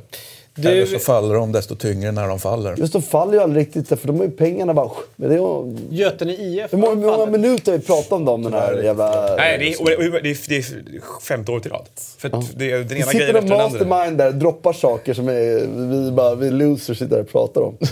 Så om det blir tråkigt efter Solskär, då kommer Trump bli tränare. Ja, då har vi någonting att prata om igen. Senare. AIK höll på att bli eh, uppköpta delvis då utav Bert Milton. Ja, det var det, var ju jävligt spännande. Jag vet att du drev den tesen. det var nej. du som lobbade in Ja, honom. vad jag snobbade in. Det blir bra surr. Eh, Skitbra. ja, nej, det, eh, eh, Italien, Christian.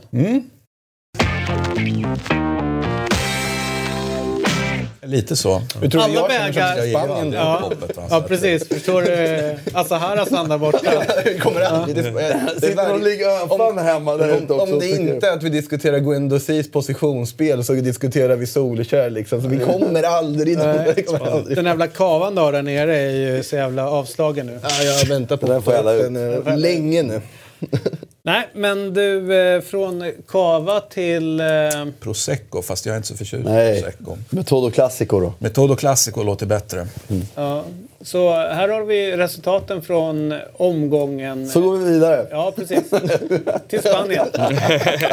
Nej, men det, blir- det är några matcher. Jag eh, skulle gärna vilja börja med Inter-Lazio. Eh, Bella och, partita. eh, det var en, eh, tycker jag, en ganska intressant tillställning eh, som på något sätt började redan på fredagen med Icardi eh, soppan får jag ändå säga, som aldrig verkar bli färdiglagad på något sätt. Vi vet liksom inte hur det här kommer att sluta. Nej, det, det, det är ju, nu, nu hade du ju inga anfallare knappt att spela med och han är tillbaka i träning och han ändå inte spelar. Det, det är ju, går ju att ta som ett argument för att han kommer inte spela någonting mer den här säsongen. Nej. Eh, och det är ju eh, intressant Mm. om, det, om det nu blir så. Det, Men Vad, Utan tror du, vad, man- vad kan, vad kan Men- utlöst den senaste? Men jag- det, det är ju snack att han har sagt någonting i omklädningsrummet. Eller, inte bett om ursäkt sägs det ju. eller, ja, för något. Det sägs ju att Spalletti har avkrävt honom en ursäkt inför gruppen. Och han har sagt att han inte har någon ursäkt, han har rätt ut i mint. Jag vet inte, klubbledningen redan. Jag ska säga, det finns två saker jag tänker på det här. Det ena är ju att, att, att eh, det ofrånkomligen är så att Spalletti har en historia av att vara lite klumpig i hanteringen.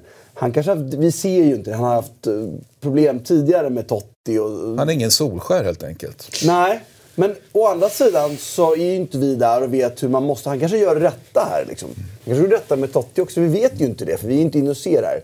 Men det ska man ha i ena handen då, eller i ena vågskålen. Att han är en, har varit möjligtvis lite klumpig i hanteringen av spelargrupper. Det andra är att han kanske gör det enda man måste göra. För det han får betala, en miss, alltså Mikael har betett som en skit i Inter tycker jag utifrån väldigt länge. Och fått göra det. Och det, har, det måste någon gång betalas för. Så även om det är, för det är ett o... Alltså, jag, får man höra ryktena så är hela spelartruppen bakom Spalletti att han inte tog med Icardi. Men om det nu inte är det så är det ju för det korta perspektivet dumdristigt att gå in i en så viktig match i en så viktig skedeperiod i säsongen utan en nia. Balde Keita Balde har precis kommit tillbaka från skada. Eh, inte i matchform, kanske inte heller en utpräglad nio-typ heller.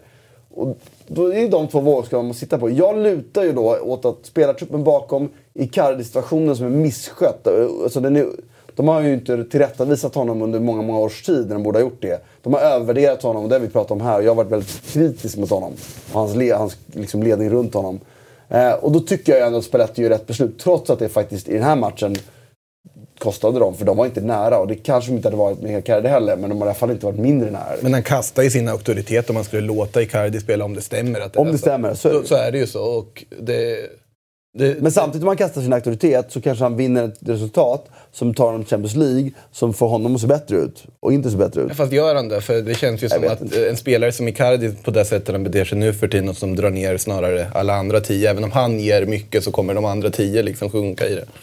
Ja, jag Det- vet det inte. vet man inte, Det, det- det är väldigt det- svårt i alla fall beslut att göra. Och faktum var ju att, att i matchen så jag är glad att jag hade rätt i min analys av Lazio. Tråkigt att jag inte spelade tvåan dock.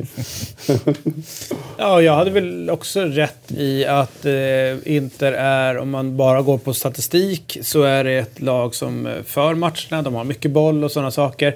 Nu hade ju väl jag i min enfald trott att de kanske skulle haft en, en striker på, på plan eh, som skulle kunna eh, om, omvandla vetat, lite grann. Ja, d- absolut. omvandlat lite grann utav de här eh, bollarna som kom in i mitt, mitten eller centralt i boxen.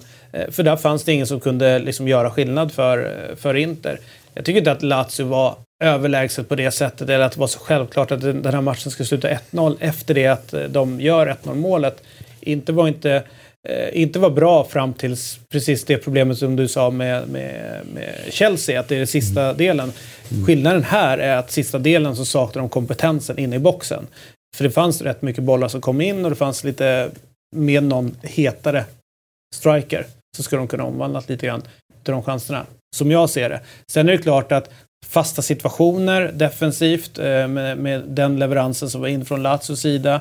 Målet som de gör eh, liksom, tycker Lazio var bra. är ju eh, på något sätt att de på något sätt har sett någon form av weak spot i Spallettis försvarsarbete. För att det var ganska många gånger de fick den bollen in. Och jag tycker så här, hade inte Correa gått sönder så hade Lazio vunnit det här med mer. Jag tyckte att eh, det är så kul att han är så bra. För det var det vi trodde inför säsongen när han kom dit. Att det här var perfect match lite.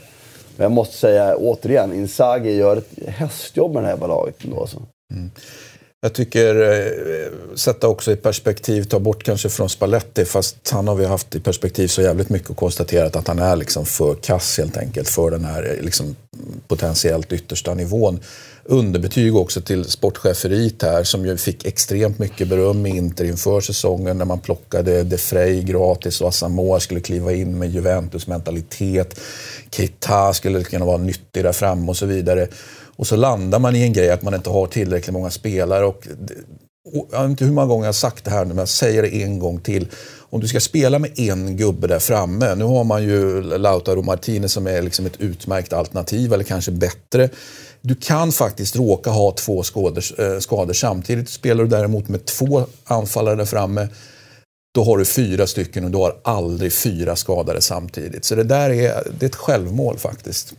Mm. Ett spel... eh, Men Keita skulle kunna spela den rollen om han varit mer i form också, ska vi säga. Hur uppfattar ni den här situationen som eh, Interspelaren blev väldigt arg över och som jag började fundera på efteråt? Domaren blåser frispark. Det ska ju vara eh, en, en ytterligare en signal som ska komma för att de inte ska få sätta igång spelet igen. Eh, det är frispark eh, och sen så är det någon som ligger där och filmar och, och, utav Interspelarna. Men de drar igång och gör mål samtidigt som Lazio-spelarna står och pratar med domaren. Jag hörde aldrig den andra signalen. Det hör inte jag heller, men det är svårt Eh, att höra. och det var ju uppenbart att eh, inte spelarna absolut inte uppfattade det som att det var två signaler blåsta. Men domaren då eh, tyckte att det skulle vara avstånd eller något så här. Och det är inte bara den här matchen. Det har jag sett flera matcher nu när det har blivit att lag har satt igång bollen i... Så, så fort det är på egen planhalva så känns det som att de får göra det som de vill. Men så tolkar domarna ju närmare offensivt straffområde de kommer. Då blir de liksom... nästan- Fegar ur. Fegar ur i den... Eh, alltså, Var det inte också med hur upptagen domaren är att hantera klagomål och diverse liksom, Så kan det vara. från Men ändå måste man ju ha rätt att dra igång spelet i, Mm. eh, oavsett liksom, om, om det är diskussioner. Det- Det, är ju Det liksom, hade ju varit ett ganska bra sätt att få bort diskussioner.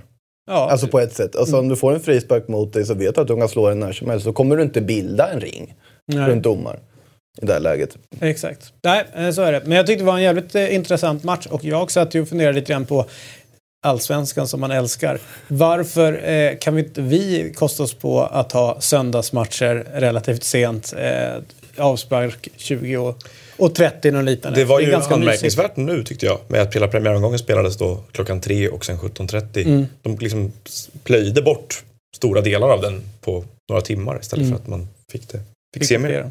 Så det är ganska... Men det vi ganska spelar Allsvenskan typ åtta på kvällen då. Måndagskvällar är ju sju. ja, men den, den finns. Men just det, det finns någonting härligt 20.45 skimmer runt... Sen- Eh, sön, Ja, men just sön, sen det gör det Inte, inte 20.45, det är för sent. 20 Sverige. då? 20 i Sverige, ja. 19.30. Mm. Nej, men jag håller med. Varför inte ha 15, 17.30, 20 då? Så får man, då kan man liksom, ett långt fönster. Nej, det är ingen dum idé. Mm. Får ringa Mats Enqvist. Aldrig. Nej. Eh, Okej, sms då som ni Ska ringa väljer. den nya supportorganisationen nu. Det finns ju någon ny där. Ja, de, det är Noahs killar. Eh, Bästisar. sms, sätter sig som ni kallar honom. Här, ja. Ja, han är ju på väg tillbaka nu va? Ja, han är Eller hur? det. Jag kallar honom inte för sms, vill jag vara väldigt tydlig med. Utan jag, jag tycker Det gör du jag sätter ett, en, en heder i att- att att säga hela hans namn. Men eh, Milinkovic Savic. ja, Sergej. det är en fin fotbollsspelare det. Men det, det är ju egentligen needless to say. Det är bara kul att det, tråkigt att det tog så lång tid.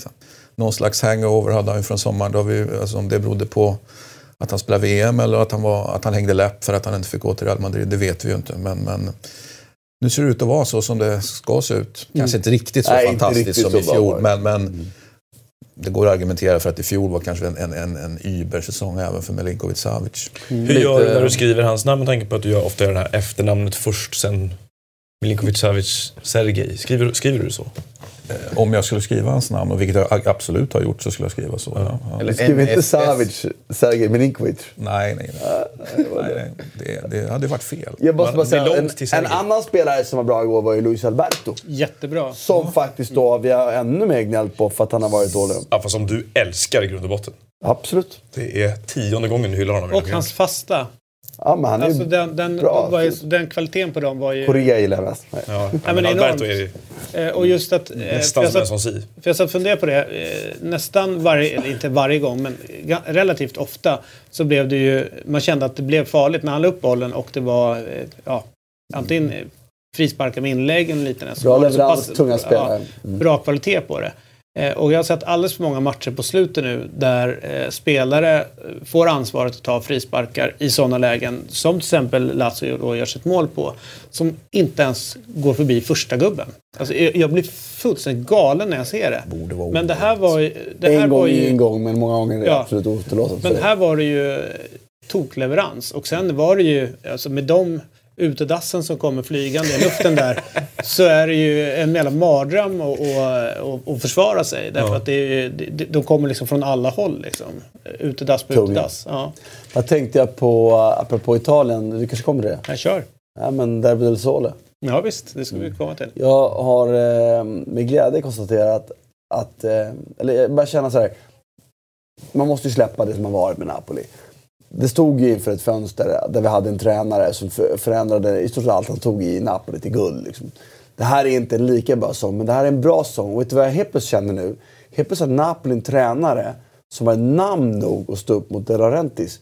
För nu börjar ju faktiskt Ancelotti prata om att eh, Allan ska ingenstans, Koulibaly ska ingenstans, vi måste behålla... Du vet, och nu vet det fan om eh, De Laurentiis ska sättas upp mot honom. Helt plötsligt kanske det har fått den där balansen uppväg. För annars har det ju varit, Laurentiis har varit väldigt noga med att han är överst. Men ingen i Italien kan ställa sig över Ancelotti. Det går ju inte faktiskt. Och ingen i Italien kan ställa sig över eh, De Laurentiis. Så jag, jag känner att det är, men då är det en väl strid bara då. att man... Jag säger att man har, Nej, jag känner att det är det det inte är. Det är ingen strid. utan de är på samma nivå och de är nöjda med det? Inte nödvändigtvis samma nivå, men man accepterar fullt ut den andres nivå och det finns överhuvudtaget ingen problematik. Så, vad är för det, jag skiter egentligen vem som är högst eller inte högst. Men min, min slutsats av det var att när han säger att Allan och Koulibaly inte försvinner. Då försvinner de inte. För ingen kan nog gilla Carletto. Det kan vi komma överens om. Ja, men, förstår du vad jag menar? Det är det jag är ute I hear efter. you, I hear you. För det har ju tidigare tränare, Mazzarri vill ha in spelare, vill ha det. Sarri, det som fick honom att komma under, det var att han ville satsa och inte fick. Nu kan, han, kan eh, De Laurentiis skyffla ut uh, Ancelotti på samma sätt. Jag tror inte det.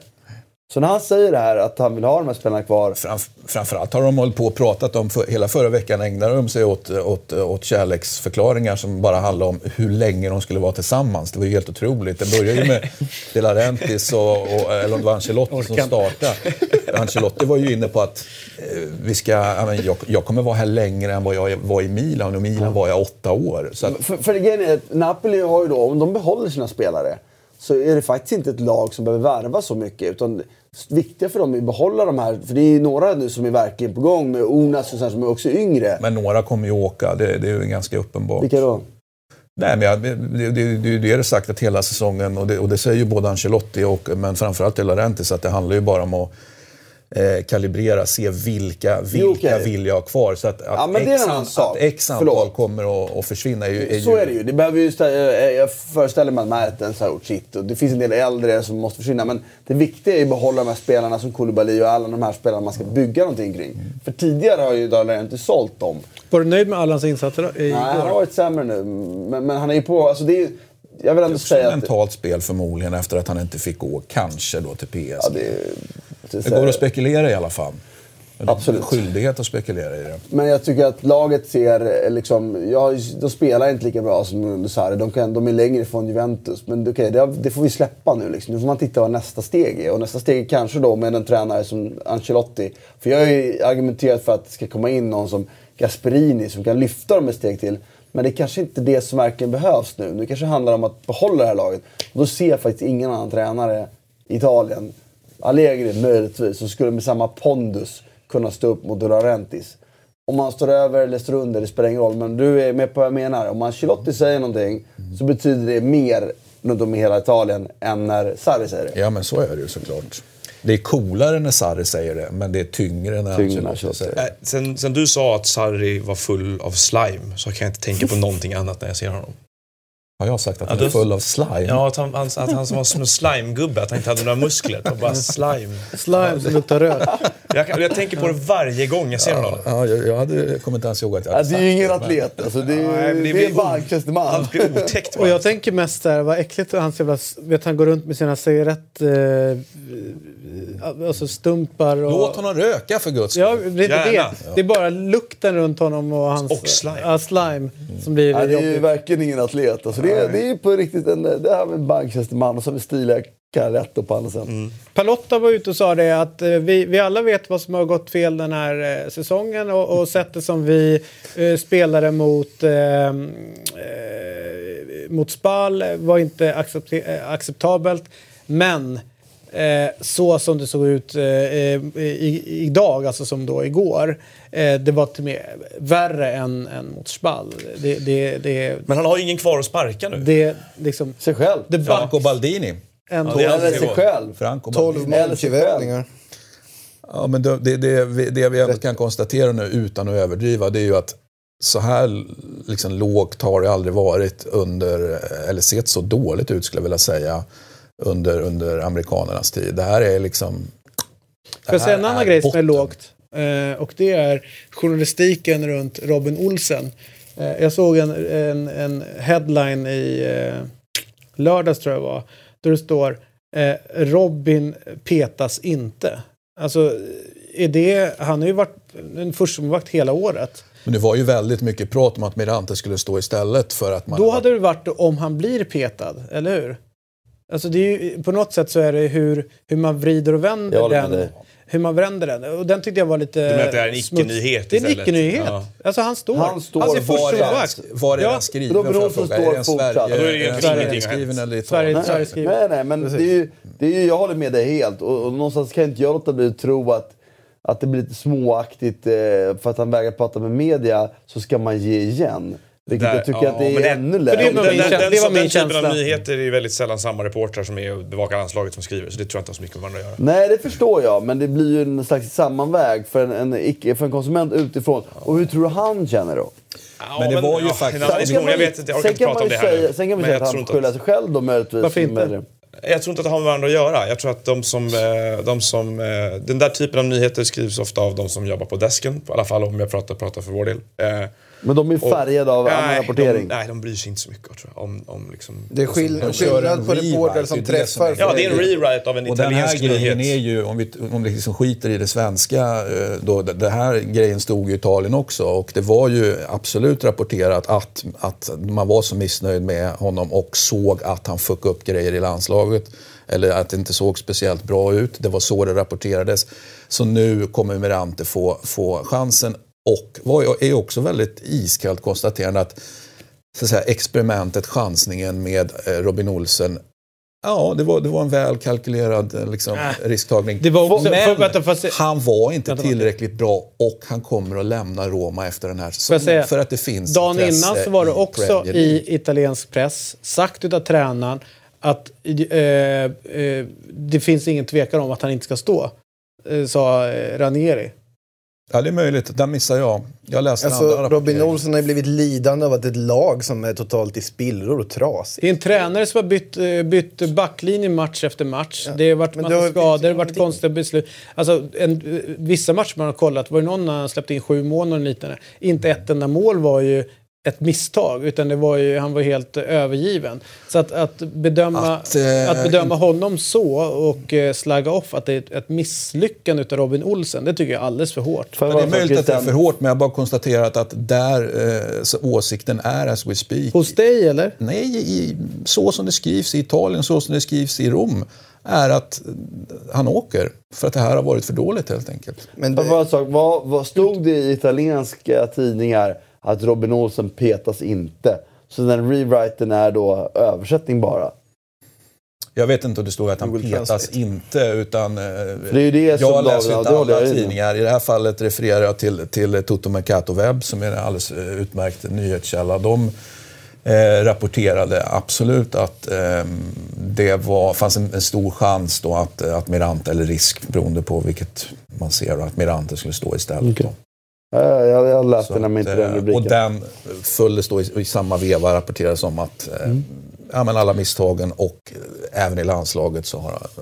Det var ju alltså då DN som skrev det här häromdagen kan vi säga. Med rubrik Roma petar inte Robin Olsen. Och då är det baserat tror jag på citaten från Ranieri. Att han har bemött uppgifterna att han skulle petas. Det är väl det som är Då, då var det en spekulation från eh, vår sida som inte höll David. Det får vi släppa. Jag släpper fallet. Det är väl någon som väljer att skriva vidare en icke-nyhet. Under presskonferensen inför söndagsmatch fick Nap- mot Napoli fick Claudio Ranieri en direkt fråga om huruvida svenskens roll som nummer ett är ifrågasatt och svarade nej. Jag tycker Robin är jätteduktig målvakt. Mm. Och då i min värld så är det ju inte att han inte petas utan att han, alltså det finns ingenting. Han har förtroende. Han har Han har förtroende hos, förtroende. eh, hos tränaren. Men- det är väl men- hur man, hur Ja, man om det är, som framställer det. Christian säger här, om det, om det i Italien är en diskussion om huruvida han ska behålla första tränaren eller inte och tränaren går ut och dementerar att han inte ska göra Och det. då dagen tycker jag- innan då det tycker så inte hade, jag det är orimligt nej, att och svenska dagen medier innan det. Hade, om man nu då är så intresserad av att skriva om Robin Olsen, då hade man nog kunnat kolla upp någon dag innan det står att eh, återigen då Ranieri pratar om Robin Olsen som hans förstemålvakt. Han gör det då och han gör det sen också på presskonferensen. Så jag menar liksom att det han, blir... hade han dementerat det dagen innan också menar? Ja, man pratar om det här alltså under veckan också, att eh, han är hans förstemålvakt. Alltså han tycker att han är en duktig målvakt. Och det Jag, liksom jag, tycker inte att, jag tycker det blir en väldigt mycket större grej än vad det var här. Alltså, om det- DN skriver en text Ja, på mig att ju- Ranieri har fått en fråga under presskonferensen och säger nej, han dementerar att det skulle Men vara okej, vad är nyheten i det då? Att en Att italienska får- medier uppger att Robin Olsen är på väg att petas. Men då får de i så fall sk- beskriva bakgrunden. Att han I så fall, om han nu är ifrågasatt och det är stort snack att han är... Vilka misstag han gjort. Vad, vad, vad, vad föranleder att man, att, liksom, att man sätter den på sin spets? Är att han är för dålig? Är Mirante mycket bättre? Vad har Mirante gjort? Då måste man ju bygga caset kring innan man skriver det. Det här blir ju egentligen, enligt mig, ett sätt att bara så här, på något sätt fortsätta någon... Alltså jag är lite grann på inne att det blir någon, någon form av konstig rapportering kring Robin Olsens tid i Roma. Alltså Faktiskt. att vi sitter och pratar om det här just nu, det är bara tydligt tecken på att alltså, Robin Olsen är en av de som verkligen lidit mest av hur misskötta Roma har varit. Jag vet, jag var, när jag var här senast så var jag inne på det också, att Monchi var ju en total fel för Roma. Sett till att det är en sportchef som har värvat in mycket för att kanske liksom förädla värde och sälja vidare. Men det är ingenting som bygger upp någonting. Det är ingenting som tar dem nästa kliv. Utan Europa- du har en stor garnison av liksom alibi-spelare just nu bara i en stor grupp. Och Olsen blir ju lidande i det här för det är han som måste hantera och ha den här backen. För han är ingen alibi-spelare då menar jag. Det är rätt intressant att alla är skyldiga utom Robin Olsen. Jo, en alltså- klassisk svensk take på en svensk spelare utomlands. Skitsnack. Nej, nej, Det nej, nej, nej, nej, nej, nej. Det, där, Det var inte inte det jag sa. Det var inte det jag sa. Alltså, jag tolkar att, ja det var väl i princip det du sa, att alla, att Ja, men det, ingen kan har vara synd även, det kan vara synd även om en alibi-spelare. Och Ja, så kanske det är att Robin Olsen kanske inte har den nivån att vara i ett absolut topplag. Det vet jag inte. men jag tycker det är svårt att säga att han på något sätt har gjort Är Roma ett absolut topplag? Kan man Nej, på? överhuvudtaget Nej. inte. Uppenbarligen inte.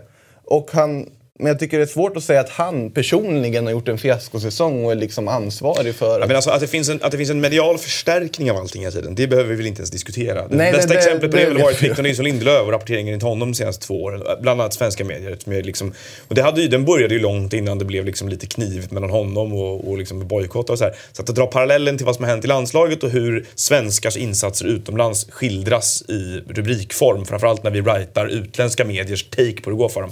Det tror jag inte har så mycket med sakerna. Däremot kan man ha en diskussion om, jag tycker väl det här var ett dåligt exempel då, men generellt om hur man reflekterar hur det skrivs om svenska spelare i andra länder. Därför att fotbollsjournalistik är ofta väldigt så. Det är ofta väldigt snabba vägar till enkla, okontextualiserade slutsatser. Du är inne på det här. Vad är bakgrunden till det hela? Det skrevs ju inte ett ord om det faktum vad som hände med Manchester Uniteds backlinje när Victor Nilsson Lindelöf hade problem där. På samma sätt som det inte skrivs ett ord om vad som har hänt med det kollektiva självförtroendet eller hur de spelar under solsken nu när det går bättre för honom, eller ens under hösten. Så att, att man inte sätter liksom rubriker i sammanhang, spelmässiga sammanhang eller liksom allting som händer runt omkring. Det är ju ett problem, men det är också ett problem för att medieprodukten har blivit den för att det finns en efterfrågan på det. Så det är lång diskussion med många olika lager tycker jag. Det, det, behöver, det, det håller jag helt med om. Jag tyckte bara att i det här fallet då, om Sveriges första målvakt, landslagsmålvakt, om italienska medier uppger att han är på väg att förlora första tröjan i Roma och det sen då testas mot Romas tränare Romas tränare säger nej, han, han kommer stå till helgen. Jag tycker inte att det är orimligt att skriva om det alls. Nu säger inte jag att den här rubriken är så också. Man ska alltid ha i åtanke när det kommer till rubrik att det inte alltid är journalisterna själva som har satt dem. Det är skitsamma, det är det som står och det finns Ja, en ja, ja, ansvarig absolut. utgivare än för den rubriken. det här. där är mest, det där är den mest sjuka grejen som journalister kan säga. Det är inte jag som har satt rubriken. Nej, men fan, det är från din jävla publikation. Och om du, håller skriver- och, med du, dig. Inte lika och om du har skrivit en text och du inte gillar den rubriken, då kan du alltid ringa och säga du, det- den där vinkeln är inte alls rätt. Jag tycker vi rubriken." inför ett krav att alla journalister ska alltid ta ansvar för rubriksättning av sin egen text. Punkt. Vad sa du? Ja, det tycker jag. Det skulle jag göra det svårare för intäktsmodellerna, tror jag. Ja, men Nej, vadå? det är- Nej, men någonstans, någonstans måste den eh, hålla för det som står i texten sen också. Men skitsamma. Jag eh, försvarar inte alls Robin. Jag kan absolut se vissa matcher när inte han har varit lika självklar. Jag kan se att hans uppträdande emellanåt i landslaget, där han känner sig trygg och har ett förtroende på ett annat sätt, eller med, med en, en relation med en backlinje på ett helt annat sätt, gör att han framstår som en annan målvakt än vad han gjort i Roma. Men då är frågan, är det Robin som är en dålig målvakt, eller är det DJ som under hela jävla året totalt har slaktat Romas förs- försvarsspel och dessutom haft eh, skador på viktiga spelare, får man ändå säga att Roma har haft. Och ett oprövat, eh, från Monchi, en, en, en trupp som har blivit lite felbalanserad som vi var inne på i, eh, i torsdags. Och att de har slängt bort, får man säga, viktiga spelare som de kanske hade behövt under Och säsongen. Alisson var Nainggo- fantastisk Nainggolan, förra året. Och räddade upp den backen. Det fick det så bättre Och ut. Så det betalar Robin också säga priset att för. den målvaktstränaren de har i Roma är ganska speciell. Därför att han jobbar på ett helt annorlunda sätt än vad de är eh, vana vid. Och det skulle vara jätteintressant om man fick hit Mats Elvendal eller liknande och prata om just det. Mm. Därför att han är ganska... Eh, alltså hans metoder skiljer sig oerhört mycket mot andra målvakter. Det hade Målvaktstränare. verkligen varit intressant. Och och den, och den, tiden, alltså anpassningen för Robin, kan ju vara så att ja, innan han är fullt ut det som mo- den målvaktstränaren vill ha, så är det kanske att de får räkna med att han i den processen att förändra sättet som han ska spela sin fotboll. Alisson var tvåa kommer första året? Ja, absolut, han står ju på tillväxt hur länge som helst. Så han har ju till och med tränat med... Så att det tar ett tag innan man kommer in i det. Det kan också vara en faktor till att Så- det, så innan man att det slaggar av tid. honom som en dålig målvakt. Och in, om det som stämmer slaggar om ett- säljer alltså, de honom inte. in- Vad säger du? Om det inte stämmer säljer Det är de det som är inte Förhoppningsvis. det kan vara. Vad sa du? Nej, jag säger passa inte här. Jag säger inte att han är en dålig målvakt. Jag säger att han inte är en tillräckligt bra målvakt för det som Roma vill ha ut om honom. Det tycker jag känns väldigt tydligt så efter den här första säsongen. Vilka pre- snart är Vilka? Premier League-lag är det som ska rycka igenom? Ja, det är oklart. Inget nämnt där. Utan det Tottenham. konstaterades Premier League-intresse. Tottenham, ja. Ja. Ja, ja. Pickford. Behövde någon med längre armar. Everton. Det var ju ett kul skämt för övrigt när han gjorde sin senaste tabbe nu här. En kille som skulle öppna eh, vad var han sa? Världens minsta pub. Den ska heta The Pickford Arms. Det var ju faktiskt väldigt Det är kul. jättekul. Ja. Jag förstår inte skämtet. Fan vad elakt alltså. Ja, skitsamma. Ska vi, eh, ska vi gå vidare till Spanien eller? Har, vill du säga något mer om, eh, om, eh, Nej, det känns om, som... den, om vår dåliga syn och, och eh, Nej, det, vår det, analys av svenska spelare någonstans, utlandet? ja, den, den är ju fortsatt, ur ett svenskt eh, perspektiv är den ju konstant bedrövlig. Det är min fasta övertygelse. Men det är den ju är över tid. Du säger inte jag att, att vi här i Eurotalk är dåliga på det. Sverige som nation, precis som säkert alla andra nationer, har jävligt svårt att, att rapportera på ett vettigt sätt om sina egna medborgare utomlands. Det Nej, är, absolut inte. Jag tycker att vi, eh, i synnerhet här och andra sammanhang, Ja, varit väldigt bra, varit väldigt bra på att se... Om jag kollar Gudetti, bara för att han gör ett mål så blir det inte halleluja och pompa och ståt och fram med, med tårta Ja, varför och champagne. pratar och vi om honom saker. överhuvudtaget? Det är kanske det som är den stora grejen. Vi Vi, har pratat- pratar om massor med grejer som vi kanske inte... Varför inte? För att han var en landslagsanfallare. Det är högst relevant. Han var enda om. spelare i världens bästa fotbollsliga. Ja, bara en sån sak. Ja, han spelar. Ska vi ta oss dit då? Han blir långsammare och långsammare. Man kan säga så här, jag, jag kommer ihåg när Chevanton blev långsammare och långsammare. Så att han kunde knappt, liksom, det spelar ingen roll hur långt före Chevanton var en gång i tiden mot slutet på karriären. när Han, han liksom torskade alla löpdueller. Det är lite Men du älskar väl honom ändå? Eh, Chevanton, ja. Ja, precis. Det var ju, Ni får älska Guidetti, jag älskar Vet du vad som Chevanton. blir långsammare och långsammare också? Eurotalk. ja, Ja, verkligen. Men det beror på Har det är någonsin varit timme snabbt och en under kvart med, med, Ja, det, är, är inte att det är långsamt, det är bara långt. ja. Eh, Det är bra. Ja, det är bra. Jag är så är jävla kissnödig. ja, Nu går vi Spanien. Det är vi Sandinista. alla. Palotta, innan han skulle fått mycket mer skit egentligen. Är du med? Vi, vi pratar egentligen för mycket Olsen i, i, i råvarudiskussionen. Palotta-grejen, amerikanerna, det är ju sensationellt eh, bedrövligt. Yes. Men i USA är de jävligt nöjda med Palotta. Det är inte hans fel. Ja, det, det har fört, fört eh, positivt med sig. Det har vi pratat om tidigare att helt plötsligt Wall Street Journal och New York Times och andra börjar rapportera europeisk eller världsfotboll och faktiskt då har kommit med mycket spännande och eftersom de helt plötsligt... På grund av Palotta. Nej men alltså, amerikaner som in, investerar utomlands höjer någonstans Ja, intresset. menar man ska så. hålla Mm. koll på dem lite grann. Och där har vi faktiskt fått en del avslöjanden som har varit ganska intressanta ändå, kan jag tycka. Så det, är- På Mercato Web där eller? det är väl eh, inte nödvändigtvis där. Nej. Okej. All right. Vi, Du vi- borde läsa lite mer Toto Mercato Webb tror Jag jag. är inne och snurrar där ibland. Och så kör man den här. arg när det är svenska medier. Ja, Det är bättre att Exakt. dyka ner utomlands. Jag blev så jävla förbannad där med Robin Olsen sa sa upp prenumerationen till DN. Sådär. Oh, ja, Spanien, eh, Ja, världens bästa liga. liga. Ungefär, ungefär som att anställa Solskär. Ja, det är liksom en affektanställning. Okej, eh, då eh, var ju derby i Katalonien. Eh, härliga delen av eh, Spanien där pengarna finns, stränderna finns och där världens bästa fotbollslag i detta nu kanske eh, finns. Barcelona mot Espanyol, men det är eh, utan tvivel att världens bästa spelare Femte spelar bästa. där. Åh nej, nu kommer. Eh. Ja, du får ta det här själv. eh, spelar. Och det är ju Messi som fortsätter att briljera. Och jag såg en härlig rubrik någonstans. När Messi ler, då ler hela Barcelona. Och nu ler han ju nå nå satans. Ja, alltså... Ja, men han är ju bara löjlig alltså, i år. Det, det är ju... Det är han ju oftast, som sagt. Men av någon anledning Han får god hjälp att- också ibland. Nu är han suddig på den där bilden, jag vet inte riktigt varför. Men han... Poetisk bild. Ja, lite. Men... eh, Jag, vet inte, man har ju slut på ord för Lionel Messi, så är det ju. Han är ju...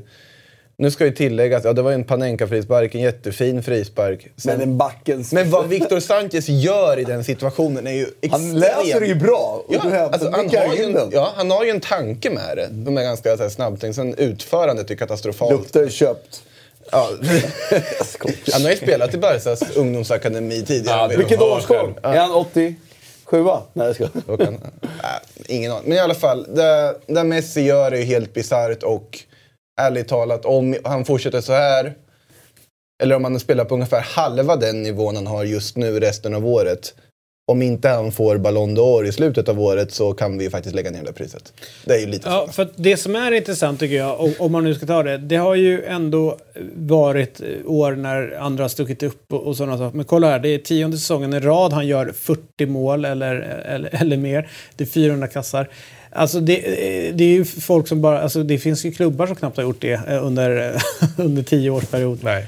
Eh, och han, på något sätt känner jag, inte smyger runt nu. Men det har ju liksom, i och med att Ronaldo är borta så har det liksom inte blivit den här eh, liksom kampen mellan de två. Där det har varit så mycket fokus på det. Utan det har varit mycket annat. Men det känns ju som att varje gång någon börjar antyda till det, man börjar fundera på hur är det med Messi egentligen? Så Men, men det är ju... till igen. Hur är det? det? är ju sjukt. Frågan ställs att de gånger Messi dyker upp även för de som inte följer spansk fotboll.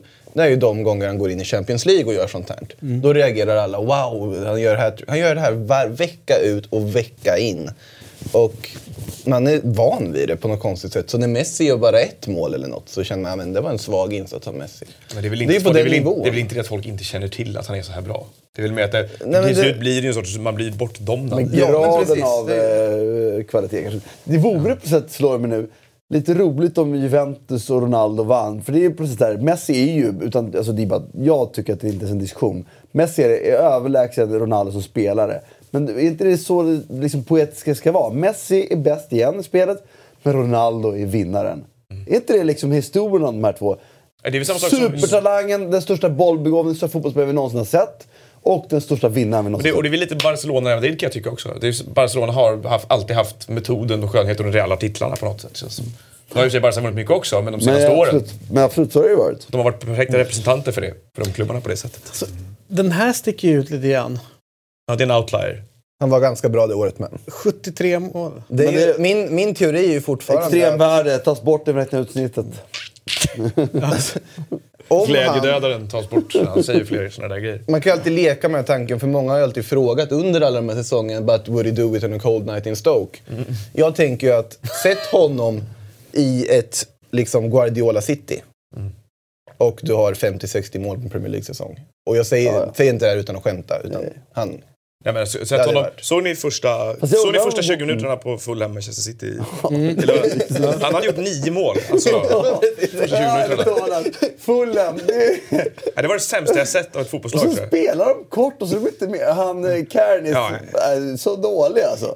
Han och Joe Bryan, när de, ingen ville ha bollen och de bara gav bort den. Ja, anyway. Men du, vad sticker ut då i, i Barca om man, då, om man Messi-rensar lite grann då? Vad, vad, vad är positivt? Alltså, det positiva är att de uppenbarligen fungerar, uppenbarligen vinner matcher och uppenbarligen dominerar matcher. Och även när det är lite grus i maskineriet, som det var mot Espanyol, det var Som det lite trötta varje ben. match nu. Ja, men de känns lite trötta i början och sen så kan det vara ett Messi-mål eller något annat som bara triggar igång dem. Nu var ju två, två byten som Valverde gjorde som var väldigt bra, som kändes konstiga när han gjorde dem, när han tar ut Nelson Semedo bland annat, som var nog piggaste i början av matchen. Och sen Malcolm som plötsligt plockats ut ur frysboxen och får ett Bra. ordentligt inhopp. Ja. Jättebra inhopp. Eh, Står ju för assisten till 2-0. Han borde rimligtvis kunna gå före Coutinho tycker jag som det är nu. Sett till hur Coutinho spelar, ja. Men Ja, så Malcolm nästan bättre för laget än vad han har varit. Det är lite mys- mysterium varför Coutinho De har ju inte fått, spelar med. alltså, de har ju fått Eller Barcelona, Barcelona är ju ett lag som jag tycker de spelar faktiskt eh, sämre än vad de borde göra med det här materialet. Jag tycker de fortfarande i matcher är lite för ojämna. Och jag tycker framförallt att Valverde inte är en matchcoach. Så- att jag är fortfarande inte... Alltså annars ska de vara den solklara favoriten till, till mm. Champions League också. Ligan vinner de ju. Men de har ju fått en drömlottning i United. United passar de ju väldigt bra att möta. Ett United som är inte alls... Det såg Uniteds försvarsspel. De blir ju, United gör ju, tycker jag, en rätt okej match om man är snäll mot Watford. Men Watford, som är ett kraftlag. Jag, gillar verkligen Watford. Ja, men bra. Men de knackade bort United emellanåt. Och tänker man så här, det är klart att United hade en dålig dag, så det är, inte, det är, ingen, det är ingen rättvisande bild av United. Men när man ser det och så tänker man, hur i helvete ska inte Barcelona göra fem mål på en halvlek om de spelar det här typen av försvarsspel? Viktor tillför en hel del, men även med Viktor har det sett virrigt ut försvarsspelet. Alltså kollektivt då menar jag. När de faller in under varandra och de springer och byter platser i lägen man inte förstår varför de gör det. Alltså de faller inte ner i rätt ytor. Och, Nu var det väl Jones va? Det inte Ja, det? Phil. Phil. Då, På- då är det ju vad det är. Det är vad det är. På tal om eh, vandrande min. Matic var också otroligt usel. Då tänker man bara att okej, Barcelona, de... Dålig, dålig matchcoach som åkte mot Roma förra året. Roma är ju inte heller, var ju inte heller något superbra att åka mot. Eh, det och, och, och de är faktiskt, spelar faktiskt, Barcelona spelar faktiskt sämre fotboll än vad de brukar göra tycker jag i passningsspelet. De håller bollen sämre. än- Får han lämna efter året tror du? Nej. Nej, för de förlängde ju med honom på tal om förlängningar i det? underliga tillfällen. När Ja. förlängde de? Det var ju tidigare här nu under våren. Men är det så underligt? Han har vunnit typ ju varenda ingen, match. det var ju ingen Nej, det är en underlig timing att de gör det i ett läge där fortfarande hans stora grej som man ska bedömas på den här säsongen, det är ju Champions League. Men det är ju lite som Christian sa, det var ju en, var, var- inte kort eller? Det var väl bara typ ett år? Ja. Eller? Jo, men Och ändå. då, då är det så här Ändå, hygienfaktor, du måste ha det extra året på plats. Ja. Ja, jag, jag, jag tyckte ändå det var- Han hade utgående efter året va? Var det inte så? Ja. Jo, jag håller med om att, att det... det att Timingen att göra det i det men, läget men jag tror att det var nödvändigt för att skapa... Det är ju det, skriver ett utgående kontrakt med en tränare och ska vinna någonting. Så tror jag nästan att det... Pellegrini, fick inte han det i City också? Man vill liksom... Sen var ju Så då är ju kommentarerna på... nyheten snarare det att han fick inte en längre förlängning. Väldigt tydligt att det är inte honom de tror på tycker jag. Då. Inte bänkas. Han fick inte längre förlängning. Det som var tragiskt var ju reaktionerna på, på den förlängningen som var liksom... Det var inte... Det var inte rumsrent i kommentarerna om jag säger så. Från Va, var det inte Barca-fans. sociala medier brukar vara jätte... Ja, ja, det Vad fan är det som händer? Men men alltså jag måste ju säga att det avseendet, så här, Valverde är ingen dålig tränare. Det är en ganska bra tränare. Men vi pratar ju nu om en tränare som har den bästa truppen. Han ska ju vinna allt. Men du, på samma take som vi hade på Manchester United då. Om, om Barcelona har liksom ett, ett smörgåsbord utav hela världens fotbollstränare. Vad är det som gör att de vill ha just han? Det vet För att rätt tränare har inte uppenbarat sig än. Nej, men, det, det, då, väl ett- vänta, ett men då är det så här, men då måste vi ju göra exakt samma hårda bedömning utav Barcelonas Absolut. jakt på tränare Absolut. som alla har gjort runt Solskär. Men jag, håller, Alltså, jag, vet jag tycker att vem- Valverde var fel tränare att ta också. Vem, alltså så här, utav alla tränare, de, de kan ju plocka vilka de vill. Alltså våra uppenbarelser, all, det är de här som finns. Eller tror du att, eller tror Barcelona, eller du att, att så här, Mr X ska helt plötsligt bara dyka upp från Mycket skogarna i relevant fråga. Chile? Jag ska föra en sak på... För jag, jag, men jag, jag säger bra två, fråga. två saker. Men jag, har- det är Men relevant det finns poäng. ett svar på frågan. Ja, men du ska få svara. Ja. Det är bara relevant två poäng som jag vill bara snabbt bara flika in. För det. Ja, gör det. Gör så. Det, det ena är att jag tycker att Valverde var fel när han ställdes också. Så det är ju en anledning där. Sen får man väl ändå säga att Valverde har ett lite bättre track record än vad Solskjaer har. Ganska mycket bättre. Ganska Jo men vänta, det är fortfarande världens största klubb vi pratar om nu, typ. Jo, ja, men bara det är två. Förlåt. Nu hade de chansen att kanske hitta någonting för att ta det här till nästa steg. Alla har ju sett de senaste åren att spelet har inte varit så imponerande. Förra året ut mot Roma i Champions League. Och- Och, Dålig matchkort för också. Och eh, har ju egentligen varit beroende av den här mannen som har på något sätt räddat hans jobb under ganska lång tid. Ja. Två sekunder. Säsonger. Varför då inte gå ut och söka någonting annat? Ja, ett, vad finns på waiting list där ute som, som är De behöver inte ta- de tillgängligt? behöver De, kan, de ska kunna rycka och- loss var som helst. De behöver inte, Två. de behöver inte köra någon waiting list. Det är inte Roma vi pratar om. Och två, vad är det som kan ta den här fotbollsfilosofin, eh, fotbollsfilosofin vidare? Det kanske är Xavi som behöver komma in och stå på tillväxt här till exempel och därför kan Valverde överbrygga och så vidare. Jag är helt övertygad om att, att de inte vet vem som är så att säga nästa Guardiola för det är ju någonstans det vi letar Men efter. samtidigt... Men vänta, vad bra. Vänta, det här, nu blir det intressant. Det är jätte, okej, det är jätteintressant det du säger. Ja, men det är ju det det handlar om, ja, såklart. och det är jättebra. Och det är okej, vi slår fast det. Då är det så här, om, med samma retorik som man har kört då med United, då har det blivit så här, hur i helvete vet de inte vad de vill och sådana saker. Vad, vad, händer, vad är kritiken mot Barcelonas sportsliga ledning? Varför vet inte Barcelona vart de vill ta, ta det här vidare? Det är ju fruktansvärt så fall att, att inte de vet vad nästa steg är, eller deras nästa tränare är ordentligt. Men det, fin- det finns en Eller viktig del här och det är ju att om Woodward missköter United eller har haft liksom viss styre så är ju det Bartomeu gör i Barcelona med en helt annan kaliber. För det, det stegen Barcelona har tagit på senare år det är ju en extrem kommersialisering av det här laget. Man har sett det på olika saker. Du har sett det i också sättet du plötsligt börjar spendera pengar på ett helt annat sätt. Du har sett det i marknadsföringen, du har sett dig hur du liksom presenterar saker.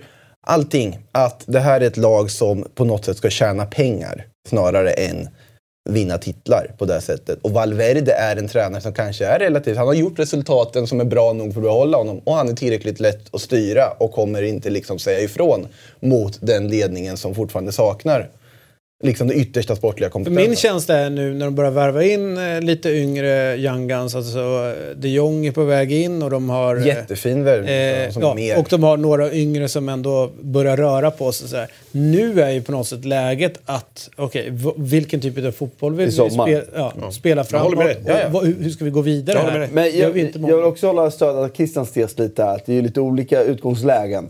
Barcelona är på toppen och letar nästa. Det är inte bara att byta, för det är, det är mycket färre man kan välja från då. United är ju ganska långt ner i pyramiden. Så det är mycket lättare för dem att välja någon. Så det borde därför kunna vara lättare. För jag håller med Christian lite att Barcelona kan de kan byta och hitta någon som har bättre merit och kanske en bättre tränare. Men det är kanske inte den här lilla marginalen de jagar nu, utan de väntar kanske på någon av den digniteten.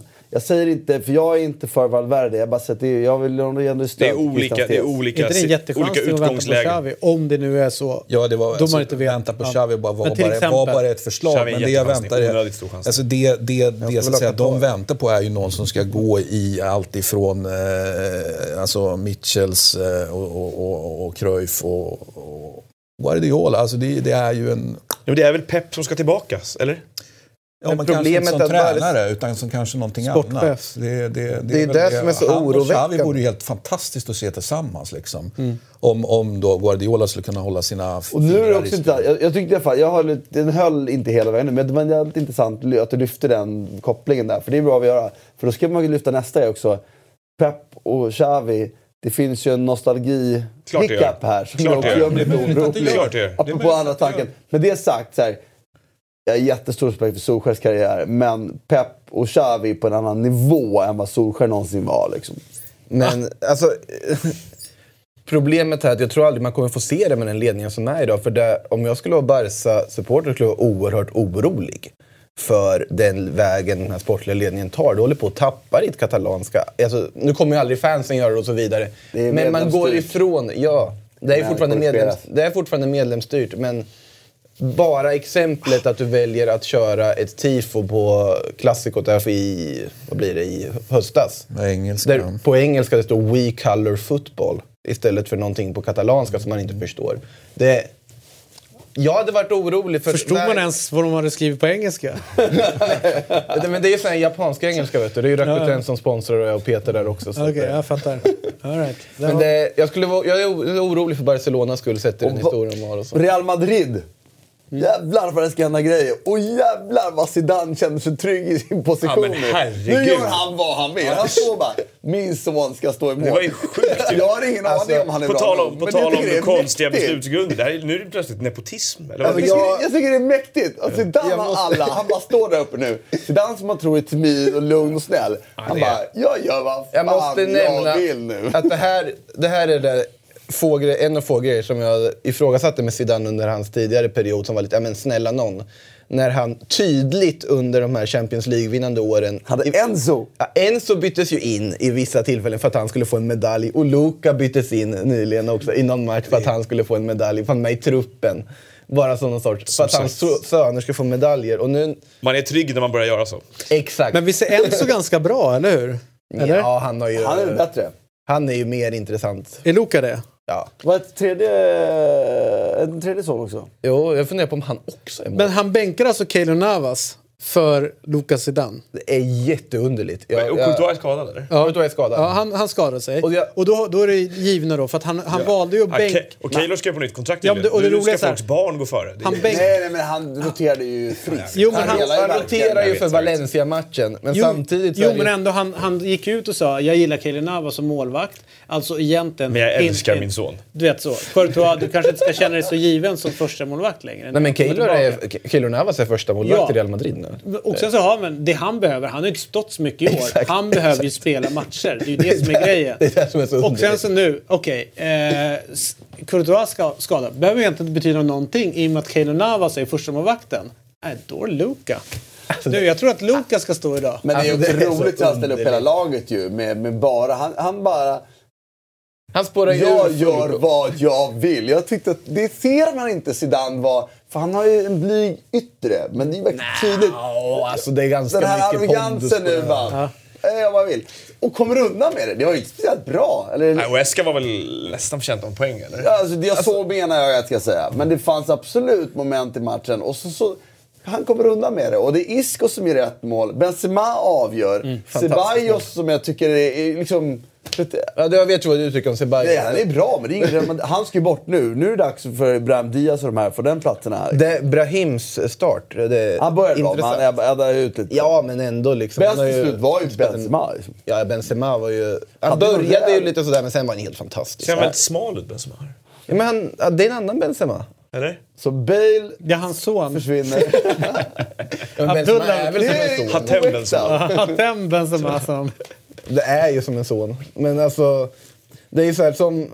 Om man håller på det, man får ju acceptera nu att Benzema kommer vara kvar där. Alltså det, det finns inte. Och jag har ju börjat vänja mig vid tanken att faktiskt tycka om att Benzema är kvar där. För att Han var ju bra så. Alltså, det finns nog få spelare någonsin faktiskt som har växt så mycket för mig under en karriär. För när han kom hit till Real Madrid, liksom ung från Lyon, det kändes man hade Higuain och Raúl, det kändes lite överflödigt, han levererade inte riktigt. Han var ju talangfull och så, men det kändes inte riktigt rätt. kändes loj, lat.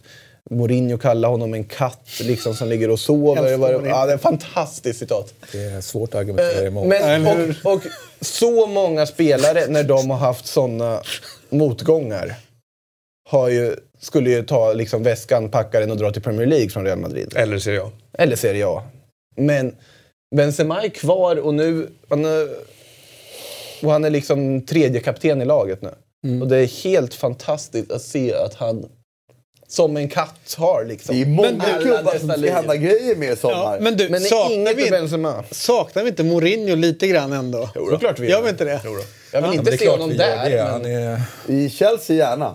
Ja, Var det, alltså, vad var det nu här? Var det Lyon nu? Där Br- Bruno Genesio som ska lämna gick ut och sa att eh, det ryktades då om Mourinho och gick ut och, och var verkligen så här, ah, det vore fantastiskt om han fick efterträda mig. Typ. Så här, nästan som att han visste någonting. Så där. Så Mourinho i Lyon känns ju weird men det, det Det känns ju som att han inte kan ta något annat än PSG i Frankrike med tanke på Men- att det har varit typ nära så många gånger. Men... Om förlängt tar. Lyon, då får jag en annan respekt för honom igen. Då ska jag heja på Mourinho. Då vill jag in och Lyon med- grovjobba lite för att du behöver göra Då, det. då tar ju en riktig jävla utmaning alltså. Fan, snyggt. Tänk om man kunde gå dit att den där och- Fekir alltså, kommer ju inte veta vad som eh, eh, träffar honom. ja, alltså, när han, Och Balotelli! ja. Två Men- strutar. Men eh, vi, vi har faktiskt lite Valencia-surr tänker jag. Eh, de, de, eh, Såg ingenting med den matchen. Vad hände? Nu kan man göra sån här bra- brass-grej vann och kissa i så fall. från- De vinner matcher. Alltså, Orättvist eller? Men det är helt bisarrt hur de kan... Nu, nu är det ju så pass jämnt även här om Champions League, sista Champions League-platsen så att jag har faktiskt inte exakt koll på hur långt de gick upp i tabellen måste jag ärligt. Ah, tack, facit. Ah, Getafe har ändå tre, vad skönt fortfarande. Ah, Nej, det är inte skönt. jo, är jag vill se Getafe, alltså, jo, jag vill se Getafe i? Champions League men det, det är jag som vill och jag har lite förkärlek till Getafe ändå måste jag säga. Eh, men att Valencia är så här nära en Champions League-plats efter den hösten de har haft och de, 16 den kryss. resultatraden. 31-23. Ja, och, och, och Marcelino har suttit kvar. De har haft det här förtroendet. Peter Lim i ledningen. Det, det liksom tålamod och kyla han ändå har visat i det här läget. Det är imponerande. Och det är få liksom, ägare som skulle göra det i det här läget. Kanske beror på att han har italiensk Alaves också. då. Men Alaves Eller, är eller fyra. eh, i Italien tidigare anställd. Italien tidigare inte, anställd. eh, italienare. Alltså det, Så är, är det ju. det, är- det är väldigt mycket som är spännande. Celta Vigo gör ju mira- mirakelvändning nu i, i helgen. De- 0-2 underläge mot Villarreal som ligger precis o- ovanför strecket. Vinner till 3-2. Ah, shit. Aspas äh, grinar. Det är ett av de mest... så. Eh, alltså, Är det starkaste fin, ja, ögonblicket? ett av de starkaste ögonblicken den här säsongen. Naspa som var skadad, här Celta Vigo på sidan. Som har inte fungerat på något. Man byter tränare hit och dit, man byter skjortor i princip. Och har i princip anställt efter vem som har liksom snyggast designat CV. Gråter han för att de ligger under med 2-0? Nej, han gråter för att de har vunnit med 3-2. Och han gör... Man är inte kvar. Men varför sitter han på bänken? Han är utbytt. Han orkar. Det var hans första match tillbaka. Han gör två Har han en hund på armen undrar jag? Det där är väl ett lejon? Lejon. Okej. Han sprang på Zla- han, han träffade Zlatan en gång. Han har och så blev han så här, Zlatan vad fan har du för tatuering? Han bara, ett lejon såklart, vad tror du? Och så drog han iväg och gjorde ett lejon. Zlatan-imiteringen. Skitsamma, det, det var stort. Det var jävligt stort. Vi kan konstatera att eh, Gerard Piqué har ju också då berättat att de har en WhatsApp-grupp eh, där eh, de brukar lägga till Madrid-journalister. Så skickar de gris-emojis och sedan slänger ut dem. Alltså det är ungefär på den nivån det är eh, i, eh, i världsfotbollen. fotbollen? Ja, exakt. Nej, men den där intervjun har ganska många guldkorn för han sitter ju precis och skämtar. Eh, om allt möjligt. Och det är roligt att vissa har tagit den här intervjun seriöst liksom, och reagerat på här den. är, det här är tunna grejer. Innan vi slutar, Zlatan vill ha pengar mer än någon annan. innan Ja, vi slutar. Martin. Yes. Eh, Adel Tar Tarapt har, har debuterat för Benfica. Fyra år efter han skrev på... Viktigt med tålamod. Ja. Ändå. Otroligt charmig spelare. Alltså fin höjd. Eller hur? Det är, Bara en sak i huvudet och det är tunnlar. Alltså. Mycket kan gå fel men så ja. är det. Det är väl det enda man tänker på när man spelar Tack. själv. Ja, innan vi du lägger ner. Eh, så eh, tack så mycket Martin för idag. Det var trevligt att ha dig här. Eh, du är alltid Oj, välkommen ja. tillbaka. Eh, Makoto Asahara-san. Du, det blir intressant kamp mellan er två. Tyvärr har du sladden innanför tröjan, han är utanför. Jag är snabb. lite före. Han är tung i Och. Christian, när jag höjer rösten eller när jag säger emot dig är det för att få dynamik i programmet. Jag älskar dig ändå. Du, du sitter och, Mer tror, än du sitter och tror att jag är på Ja, dig. då! Hej då, hej då, hej då, hej då.